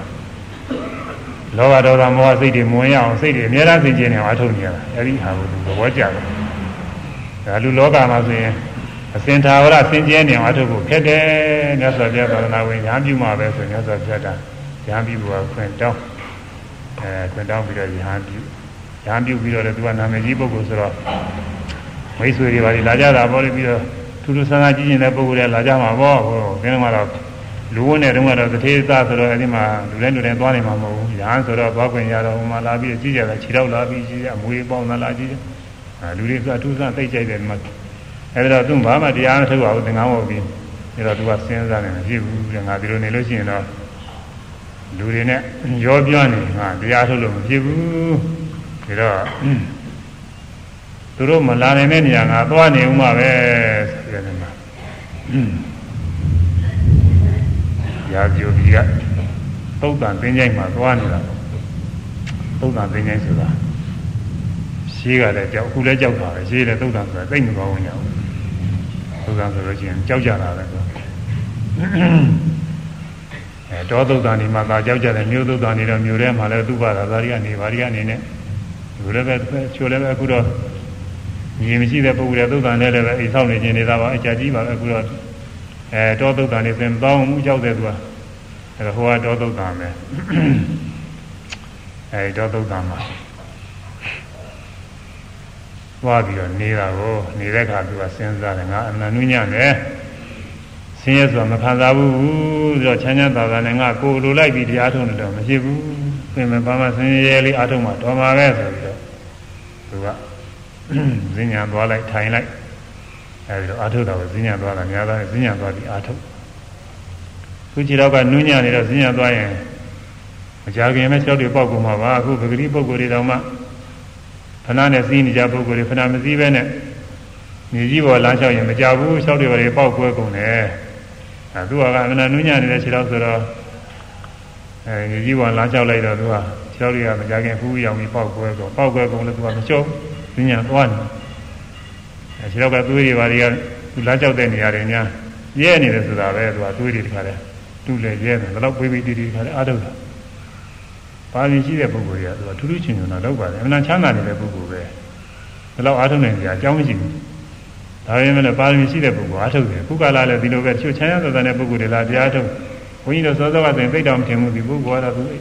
အိမ်မှာချမ်းသာနေတရားထုတ်တဲ့ခါလဲသူကောင်းကောင်းအားထုတ်မှာဟုတ်ပါဘူးလို့အောင်အောင်မဲ့သူဇာဟန်ကြကြီးအားထုတ်တဲ့ခါကျချိုးချိုးကြပါရမီပါရမီရှိတဲ့ပုဂ္ဂိုလ်တွေကသူထူးပါတယ်အဲဒါရင်သောနာမတွေကစဉ္ညာသွားပြီးအားထုတ်ရင်းနဲ့ကြာတော့ပင်မလာပြီခြေတော့ကလည်းနာလာပြီမတန်းနိုင်ဘူးအဲတော့သူစဉ်းစားတယ်မြတ်စွာဘုရားဤသာသနာတော်မှာအားထုတ်ပါတယ်ဆိုတဲ့ပုဂ္ဂိုလ်တွေတဲ့ငါလည်းတယောက်ပါဝင်နေမှာပဲငါတော့ပဲအားထုတ်နိုင်မှာပဲ ဒါလည်းပို့ပြီးအားထုတ်နိုင်တဲ့ပုဂ္ဂိုလ်တော့ရှိမှာမဟုတ်ဘူးဒါပေမဲ့လို့ငါတရားဓုဘာမှမတွေ့ဘူးတရားဓုမတွေ့တော့ငါတရားရမယ့်ပုဂ္ဂိုလ်ဟုတ်ပုံမရပါဘူးတရားရတော့မပြဘူးတော်သေးတချို့ကိုတရားထုတ်လို့မတွေ့ဘူးဆိုရင်တရားရတွေပြတ်တတ်တယ်ကိုမတွေ့သလိုသူများလည်းတွေ့တာဟုတ်ပါဘူးသူများတွေပြောတာဒီတကားလားလျှောက်ပြောတာဟုတ်မတင်ပါဘူးဆိုပြီးတော့တရားတရားတွေပြက်ကုန်တာပဲသူကတော့မဖြစ်ဘူးတော်သေးရဲ့သူကတရားတရားမပြက်ဘူး အဲ့တော့ငါတရားရလိုက်တဲ့ပုဂ္ဂိုလ်ဟုတ်မှမရဘူးဒါတော့တရားမရအတူတူဆိုလို့ရှိရင်တော့ပြင်ပန်းခံလို့နေရာမကြဘူးလူထွက်မှနေရာကြမှာပဲအိမ်မှာဒီကိစ္စတွေရှိနေတာပဲအဲဆံရသာနေပြီးတော့ဒါနသီလကုသိုလ်ကောင်းမှုတွေပြုဒီလိုလုံးမတော်မှာပါပဲတရားမရအတူတူမထူးပါဘူးဆိုလူထွက်ခြင်းတဲ့စိတ်ဖြစ်လာမြတ်စွာဘုရားကဒီလိုပုဂ္ဂိုလ်တွေလည်းကြည်နေတာပဲ အဲဒီတိုင်းလည်းပဲလျှောက်ပြီးတော့ကြည်နေတာပါပဲမြတ်စွာဘုရားနေ့စဉ်နေ့စဉ်ဒီနေ့ပဲပုဂ္ဂိုလ်ဟောရမလဲပဲပုဂ္ဂိုလ်ကျွတ်မလဲဆိုတာပိုက်စိတ်တိုက်ပြီးတော့ဟောတဲ့ပြုတဲ့မျိုးပဲခါတယ်ညာနဲ့လျှောက်ပြီးဖြန့်ပြီးတော့ကြည့်ဘုံလုံးလျှောက်ကြည့်အဲဒီမှာရှင်သောနာမတွေသာသနာ့ဘောင်ကလူထဲဖို့ရစိတ်တွေညော့နေတာကိုတွေးရတာကိုတွေးရတဲ့မြတ်စွာဘုရားအဲဒီမှာကြွသွားကြွသွားပြီးတော့ အဲဒီမှာသူတစ်ပါးမဟုတ်သေးရင်ပုဂ္ဂိုလ်တွေဒီလိုတရားထုံးတဲ့ပုဂ္ဂိုလ်ရှိပါတယ်ပြီးတော့ဒီဟာဘယ်သူဒီမှာဘယ်သူလမ်းလျှောက်တယ်လဲဘယ်သူသိညာသွားတယ်ဒီမှာသွေးတွေရတယ်ရဲနီးနေပါဘောနွားသားနွားသားယုံကနွားသားတဲ့နေရာလိုပါပဲလားသွေးတွေရဲနေပါဘောဆိုဒီနေရာမှာတရားတယ်အရှင်သောနာသိညာသွားရှင်သောနာတရားထုံနေပါတယ်ဆိုတော့ရှင်သောနာနေရာသွားပြီးပြီမယ်လို့အကြောင်းပေါ်လို့မေးရသေးတာပဲရှင်သောနာနေရာသွားရှင်သောနာကလာပြီးတော့ယူသေးသေး ရှ िख ိုးပြီးတော့ယူသေးသေးထိုင်းနေတဲ့ခါသက်သာပြာမေသောနာအဲငါဟာတရားထုတ်တာဖြင့်စွမ်းကုန်နေပြီတခြားပုဂ္ဂိုလ်တွေအာထုတ်တာလည်းပဲ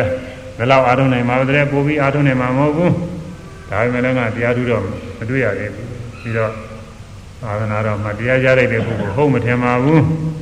သာတိုင်းတရားမရတဲ့အတူတူဆိုလို့ရှိရင်တော့ပင်မခါမနေပဲနဲ့ လူပေါင်းလောကထွက်ပြီးတော့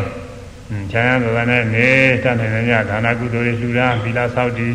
တတ်နိုင်တဲ့ကုသိုလ်ကောင်းမှုတွေပွားနေတာကောင်းပါလိမ့်မယ်ဆိုပြီးစဉ်းစားတယ်မဟုတ်လားမှန်ပါဗျာလေစဉ်းစားပါလေဟောနာတဲ့သင်သူတော်က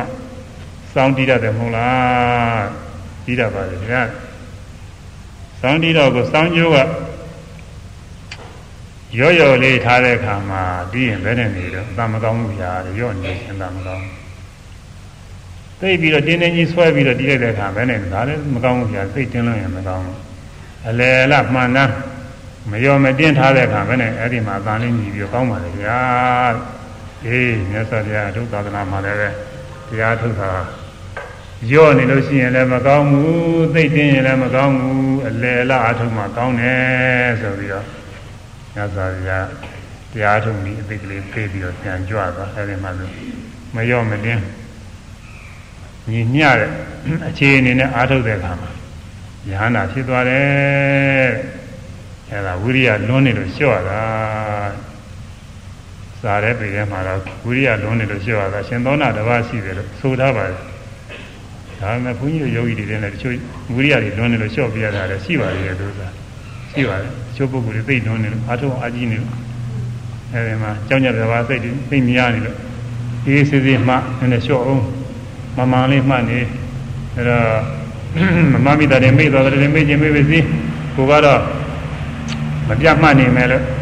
လုံးသွင်းပြီးတော့အေးတက်တက်တာတာမှတ်နေဒီကသိเจ้าညဆိုင်တာဟိုကမှလိုက်မယ်တရားမှလိုက်ဟိုလိုမှမယ်ဒီလိုမှမယ်ဟိုလိုအားထုတ်မယ်ဒီလိုအားထုတ်မယ်เจ้าညဆိုင်မှုတွေများနေတယ်ပြန်လွင်တယ်သမာဓိမဖြစ်ဘူးအဲဒါနဲ့လျှော့ပြရတယ်အခုယောဂီပုဂ္ဂိုလ်တွေဝိရိယလွန်တဲ့အခါလျှော့ပြီးအားထုတ်ရပါတယ်အဲဒီဘောနာမတိဒီကစားတဲ့ပြည်တဲ့တော့ သူအထင်ရှားဆုံးမို့သူတော့မထင်ရှားလို့နေမှာပေါ့ဒီရင်ပုဂ္ဂိုလ်တွေဒါကလာကတော့သူတစ်ပါးရှိတယ်ဆိုပြီးတော့သိရတယ်အဲဒီလိုကိန်းနေသားလိုက်တာတော့တဲနေရမကြဘူးသူတော့မထင်ရှားတော့ကြည့်ရမယ်ရှိအောင်မှာပါလို့ဆိုတော့အဇယနာနာလည်းလျှော့ရတာပဲသာတဲ့ပြည်ရလာတာအဇယနာနာသံဃာနာတင်္ဂာနိနေချင်းကသံဃာနာတင်တော့မယ်သူကလည်းသံဃာနာဝန်ဆောင်ကလည်းဆောင်ရရမှာသူကလည်းသောတာပန်ဖြစ်နေရဟနာကဒီရင်ပုဂ္ဂိုလ်တွေအကုန်လုံးရဟနာတွေ ရဟနာတွေလည်းကောင်းမှသူတော်ဘာတဲ့နေရမယ်ဆိုတော့ရဟနာဖြစ်ရမယ်ဆိုတော့အဲသူတော်ဘာတဲ့သောတာပန်ဖြစ်နေဝင်ရမယ်ဆိုတော့သိပြီးတော့နေရာမကြောက်ဘေးကလင်းသုံးပေါ်တွေကလည်းသူစောင်းချိတ်ပြီးတော့ပြောကြတယ်။ဒါချင်းငါကြရင်ကွာတို့ငါငါအလည်းမှာကိလေသာအညင်အနနေနဲ့လာပြီးထိုင်မဲ့ပုဂ္ဂိုလ်တစ်ပါးကလည်းရှိသေးတယ်လို့ပြောကြတာလေသူကရှင်အနန္ဒကိုစောင်းချိတ်ပြီးတော့ပြောကြ သူလည်းအားရထုတ်တယ်ထုတ်တယ်မြတ်ထုတ်ပါအချိန်မကြာသေးလို့အဲ့ဒီမှာ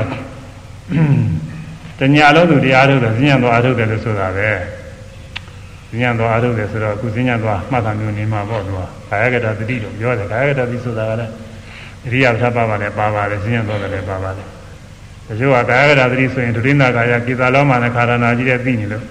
ဒီသာလောမာကြီးတဲ့ဒါလည်းဆွဲလာပြီးတော့ပြောဟောနေကြဒီလိုလည်းမဟုတ်ပါဘူးဉာဏ်တော်နေရင်တော့ အခုဉာဏ်တော်မှတ်တာမျိုးနေမှာပေါ့ကြွားတယ်လှမ်းနေချတယ်ဒါမျိုးဖြစ်ရမှာအဲလိုရှုမှပြီးတော့နေတော့တညာလုံးဉာဏ်လျှောက်တယ်လင်းကနေရောက်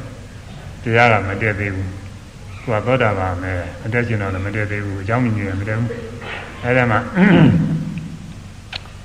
စဉ်းစားတယ်ငါဟာမြတ်စွာဘုရားကလည်းပဲမိတ်ရှိခဲ့တယ်အာနန္ဒာသင်ကတပုံညောပြုတ်ပြီးတော့ကောင်းမှုရှိရဲ့ အာထုတ်ရမကြခင်အာဟောဟိပိအနာတော်အာသောကင်းတဲ့ဉာဏ်ဖြစ်လိမ့်မယ်လို့မြတ်စွာဘုရားလည်းဧကံတရေချမှားရတာပဲငါလည်းပဲအာထုတ်တာစွမ်းကုန်ပြီอืมသိရသွားတာများနေဝင်ရတယ်နည်းနည်းဝိရိယတွေများနေဝိရိယကျမ်းစာစိတ်များနေဝိရိယလျှော့ပြီးတော့သမာဓိနဲ့ဝိရိယညီမျှအောင်လို့လျှော့လိုက်ဦးမှာပဲဆိုတော့ကျောင်းကားနဲ့ ကရင်ပေါ်မှာထိုင်အဲဒါသူကျောင်းလေးကတော်သိအောင်ကျောင်းလေးဖြစ်ပါလိမ့်မယ်မြေစိုက်ကျောင်းလေးနေပါလိမ့်မယ်သူက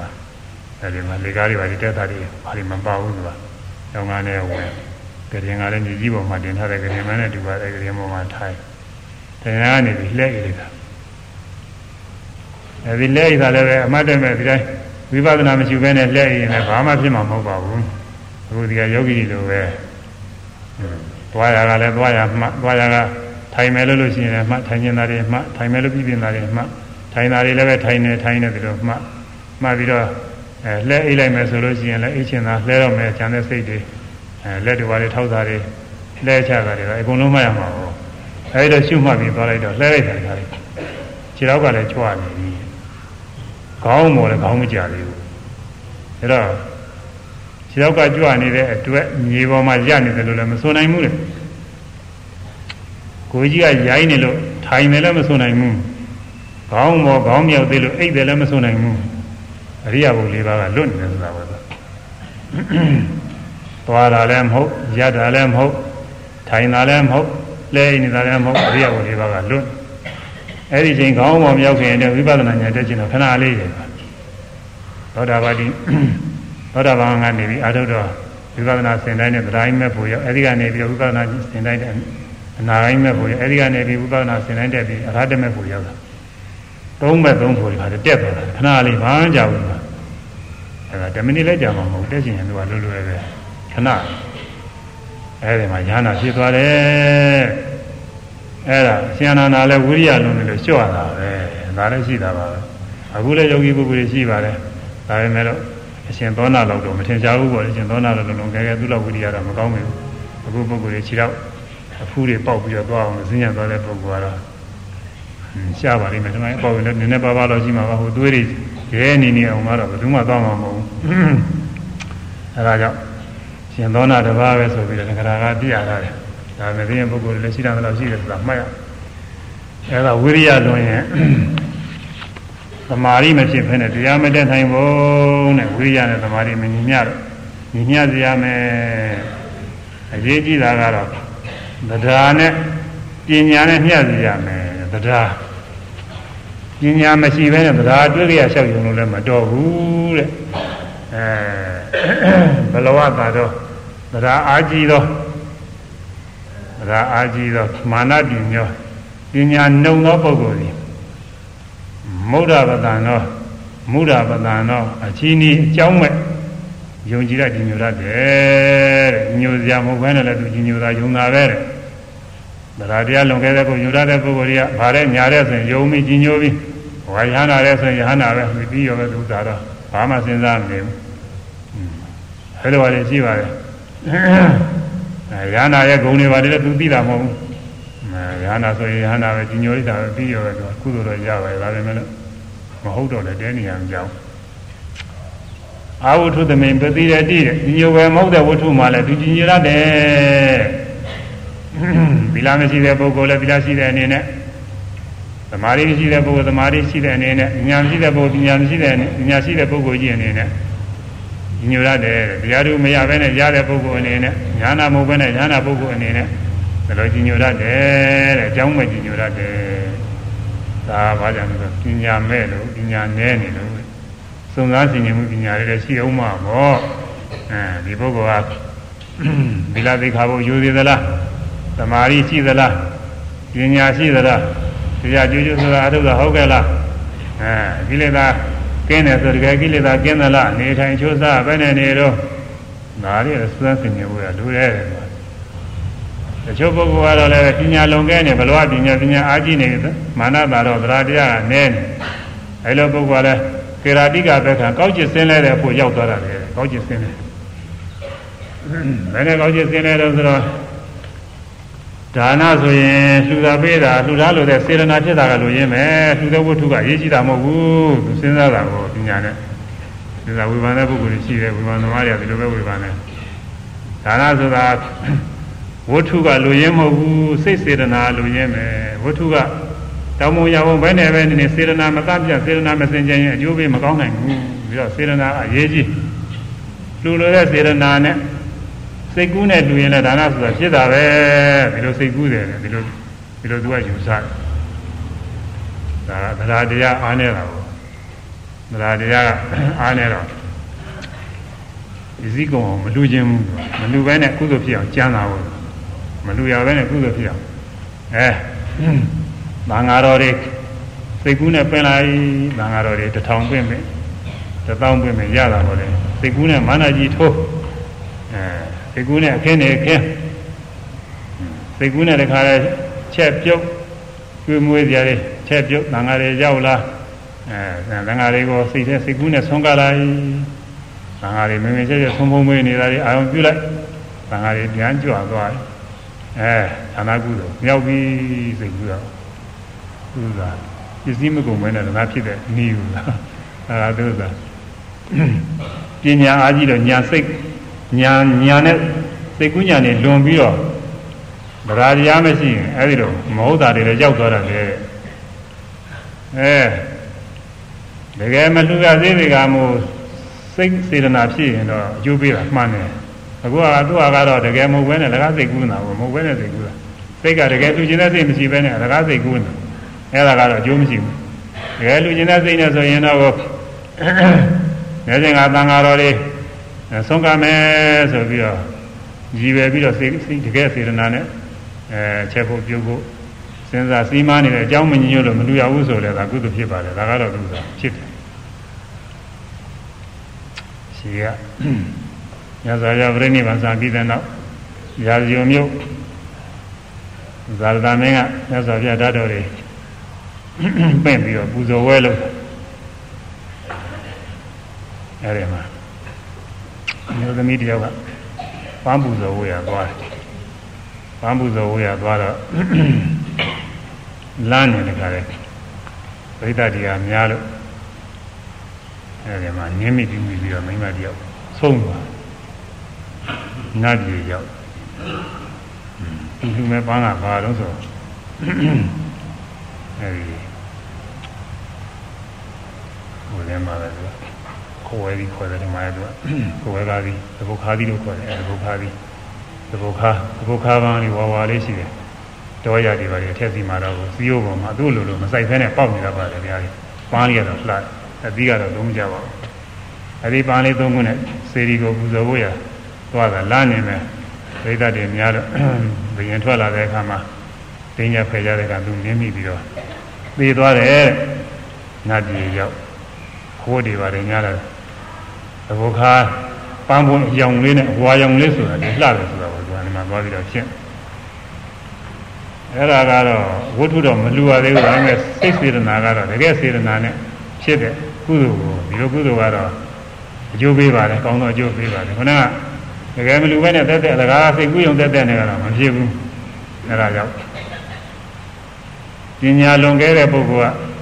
စူးစမ်းဆင်ခြင်မှုတွေအားကြီးပြီးတော့မယုံမှုဟိုဟာမယုံဒီဟာမယုံနဲ့ဒါတရားမဖြစ်ဘူးတဲ့။ဘာနဲ့တူတယ်ဆိုလို့ရှိရင်ဝေဇိဝေသစ္စာသမုဒ္ဒိတောဝိယရောဂောအတ္တိကိစ္စဟောတိအကြမ်းမှာယောဂဝေဒနာဖြစ်တဲ့ခါကာလမှာဆေးကုလိုက်တယ်ဆေးမသွားလို့တခါယောဂတိုးသွားလို့ရှိရင် အဲနောက်ထပ်ဒီဆေးဖြေဖို့ရမဖြေနိုင်မဲနဲ့ဖြစ်တတ်တယ်တဲ့ဟုတ်တယ်ချို့ဆေးတွေလွန်သွားဖြေလို့မရဘူးဘယ်တော့မှမတတ်နိုင်ဘူးအဲဒီတောက်တဲ့ဆေးလေးလွန်သွားရင်ဒုက္ခဖြစ်တာပဲထိုးတဲ့ဆေးတွေလည်းအချင်းအစင်မသိလို့ရှိရင်ချို့သေးတာပဲသူစားအဲဒါမကုနိုင်ဘူးဘယ်တော့မှမတတ်နိုင်ဘူးအဲဒါလိုပဲဆေးကြောင့်ဖြစ်တဲ့ယောဂဆေးကုမရတယ်လို့ပဲစိတ်ကူးညာမှုလွန်ပညာလွန်နေတဲ့ပုဂ္ဂိုလ်ကဒါတရားမရှိပဲနဲ့ကြမ်းဖန်ပြီးတော့ စိတ်ကူးမြနဲ့ကုသိုလ်ဖြစ်တယ်ဆိုပြီးတော့အဲဒါနာကုသိုလ်တွေမပြုဘဲနေလို့ရှိရင်တဲ့အဲဒါစိတ်ကူးလို့မရတယ်လို့ပဲတဲ့အကျိုးမဲ့တွေဖြစ်သွားတယ်ဒါကြောင့်မို့ပညာတွေလွန်တာလည်းမကောင်းဘူးတဲ့ဒါနဲ့ပညာညှို့စီရမယ်ဒါလွန်တာလည်းမကောင်းဘူးတဲ့ပညာနဲ့စွမ်းပညာဆင်ခြင်မှုရှိရမယ်ညာလုံးပြီးစွမ်းဆင်ခြင်မှုတွေသိညာနေလည်းမကောင်းဘူးဒါလည်းယုံနာနဲ့ညယုံပါတဲ့ အဲယုံသိတဲ့မြတ်ယုံရတယ်ယုံကြည်တဲ့မြတ်ယုံပြီးတော့သူတရားထုတ်တာတည်းဒီတိုင်းပဲတချို့ကပညာတွေသိလွန်ခဲ့နေစာရိပေတွေဘုသူရတွေလိုက်စပြီးတော့ဟာဘယ်လိုဆိုလို့ရှိရင်တော့စာနဲ့ပိနဲ့မညီဘူးဟွန်းဒီဥစ္စာတွေကပညာတွေပဲဘယ်လိုရှိုံနဲ့တော့တရားထုတ်မဖြစ်နိုင်ဘူးဆိုပြီးတော့အဲဗဒါအားနဲ့နေတော့မယုံမယုံတော့သူတို့အားမထုတ်ဘူးသူတို့အားမထုတ်ရုံနဲ့မဟုတ်သူတို့နဲ့စတဲ့ပုဂ္ဂိုလ်တွေလည်းအားမထုတ်ဘူးရလိုက်ပြီးတော့ဖြစ်ရတာရှိသေးတယ်အဲအကျိုးမဲ့ဖြစ်သွားတယ်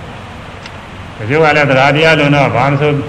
တရားတွေအာထုတ်တရားရပြီဆိုရင်လည်းမဟုတ်ဟုတ်သာရနေတော့တာပဲအဲဒါတွေကလည်းသိနေရမကြဘူးကြတရားနဲ့ပညာမျှဝေရလိုတယ်တဲ့ပြီးတော့သမာဓိနဲ့ဝိရိယနဲ့ညှို့ဖွဲ့ရလိုတယ်တဲ့မျှဖို့လိုတယ်တဲ့ခန္ဓာဝိရိယလွန်နေလို့ရှိရင်သမာဓိမဖြစ်ဘူးသမာဓိလွန်နေတဲ့ခါလဲစိတ်အာယုတစ်ခုထဲမှာစူးစိုက်ပြီးတော့ တစ်ခုလေးတော့အာယုစောစောမြဲမြဲမှတ်နေလို့ရှိရင်ပညာမဖြစ်ဘူးอืมသမာဓိများနေပညာဖြစ်ဘူးခု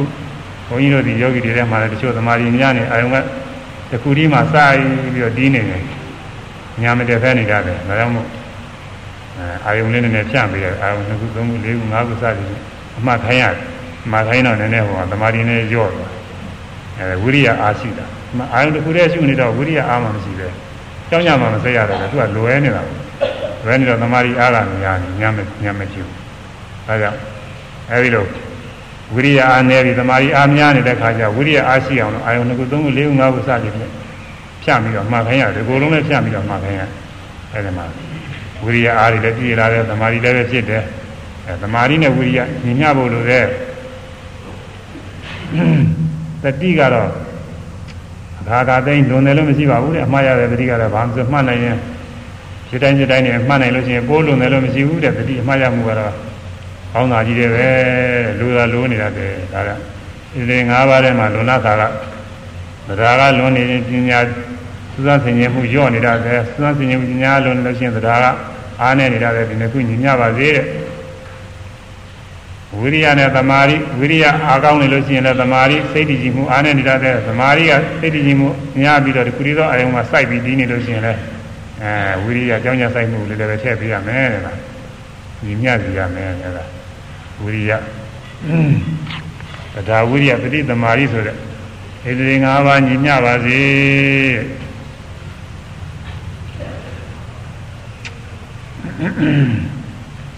နောက်ပြီးတော့ထိုတွင်စိတ်ညွတ်ရာဒရာတိမုဒ္ဒတာအဲ့ဒါကတော့ဓမ္မဝိစီယအသိဉာဏ်ဖြစ်အောင်လို့စိတ်ညွတ်ပါစေတဲ့အသိဉာဏ်ဖြစ်အောင်လို့ပဲကိုစူးစိုက်ပြီးတော့မှတ်နေရ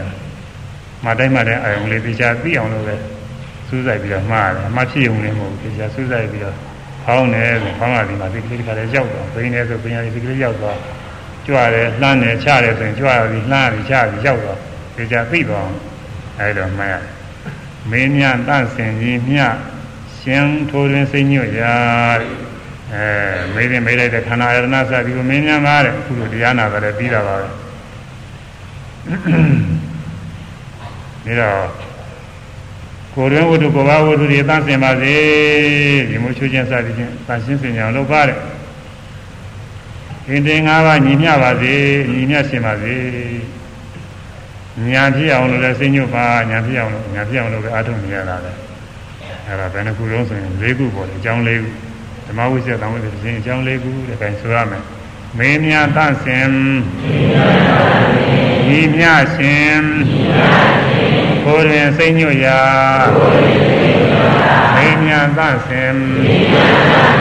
ညီမြရှင်ကိုယ်တွင်စိတ်ညွတ်ရာမင်းများတန့်စင်ညီမြရှင်ကိုယ်တွင်စိ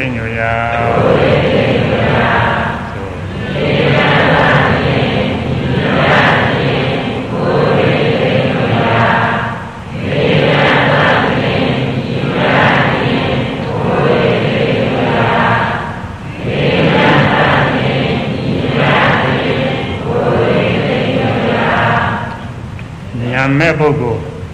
အဲဒီညာပညာမဲ့တဲ့ပုဂ္ဂိုလ်ရိယရိယညာ ဝိပဿနာညာမရှိတဲ့ပုဂ္ဂိုလ်တွေလည်းရှောင်ကျင်ပါတယ်အဲဒီလိုပုဂ္ဂိုလ်တွေနဲ့အတူနေတာလည်းမကောင်းဘူးအဲဒီပုဂ္ဂိုလ်တွေဆရာသမားဖြစ်နေပြီဝဲလို့ရှိရင်လည်းနေရာမကြဘူးဒီလိုဝိပဿနာကမရှိဘူးတော့ဝိပဿနာရှုတာကိုပဲပြည့်တင်ရင်တင်းနေတာကြာကြီးသူစားဝိပဿနာဉာဏ်မရှိတဲ့ပုဂ္ဂိုလ်တွေက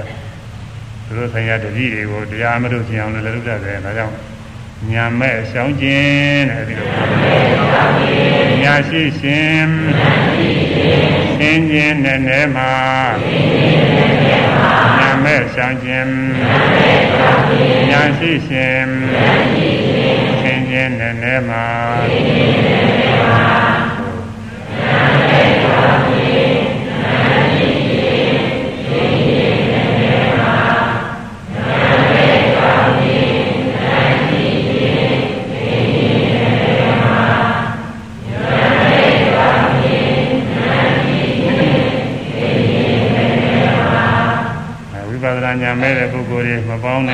သမားအဖြစ်နဲ့အဲဒီမှာအာအာမကုနဲ့ဆိုဆိုလိုပါတယ်ဥရိယဗျာညာစိုက်တဲ့ဝိပဿနာဉာဏ်နဲ့ပြည့်စုံတဲ့ပုဂ္ဂိုလ်တွေကိုပေါင်းပါအဲဒီလိုပုဂ္ဂိုလ်တွေနဲ့လူတို့ကနေတာလဲကောင်းတယ်ဒီလိုပုဂ္ဂိုလ်တွေအာဘိဘောရတယ်အဲဝိပဿနာဉာဏ်နဲ့ပြည့်စုံတဲ့ဆရာသမားတွေစိကမြှွဲပါနည်းနည်းတဲ့တရားတွေဂမ်ဘီရညာနာသတိရနည်းနည်းသောဉာဏ်ဖြင့် ကျက်စားရဖြစ်တဲ့တရားတွေအဲ့ဒီမှာတော့သက္ကထာကတစ်မျိုးဖွင့်ဒီကတစ်မျိုးဖွင့်ထားတယ်ဘုန်းကြီးကတော့ဒီကဖွင့်တာပဲသဘောကျတယ်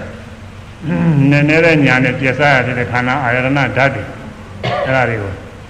ဆင်ခြင်ပါတဲ့ဒါကတော့တတိနားလည်းတဲ့ပုဂ္ဂိုလ်ဆိုရင်တော့ကိုယ့်အကိုဆင်ခြင်ဖြစ်တာပေါ့လေနားလည်းတဲ့ပုဂ္ဂိုလ်တွေတော့မင်းများအခုလိုတရားနာပြီးတာပါပဲအဲ့ဒါညာဖြစ်ချင်းအကြောင်းပဲ ဘယ်နှပါးရှိတော့ဒီက3ပါးခုနက4ပါးနဲ့ပေါ့9ပါးရှိပါတယ်ညာဖြစ်ကြောင်းများ9ပါးညွှန်ကြားထားကြတာအခြားထားကြတာကဓမ္မဝိစီယသံဝိစီအကြောင်းတရားတွေဒီ9ပါးညွှန်ကြားတာဆိုရမယ်ညာဖြစ်ကြောင်းများ9ပါးညွှန်ကြားထားကြတာညာဖြစ်ကြောင်းများ9ပါးညွှန်ကြားထားကြတာ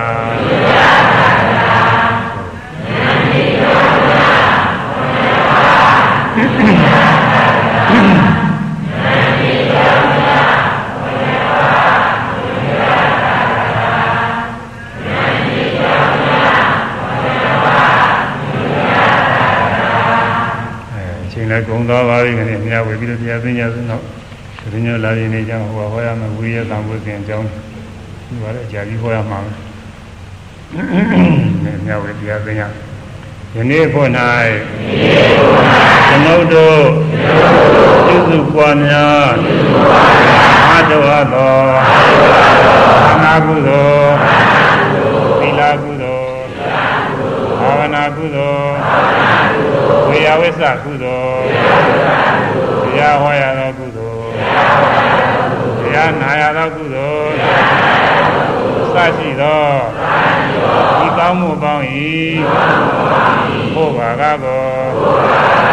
မိဖာတို့အား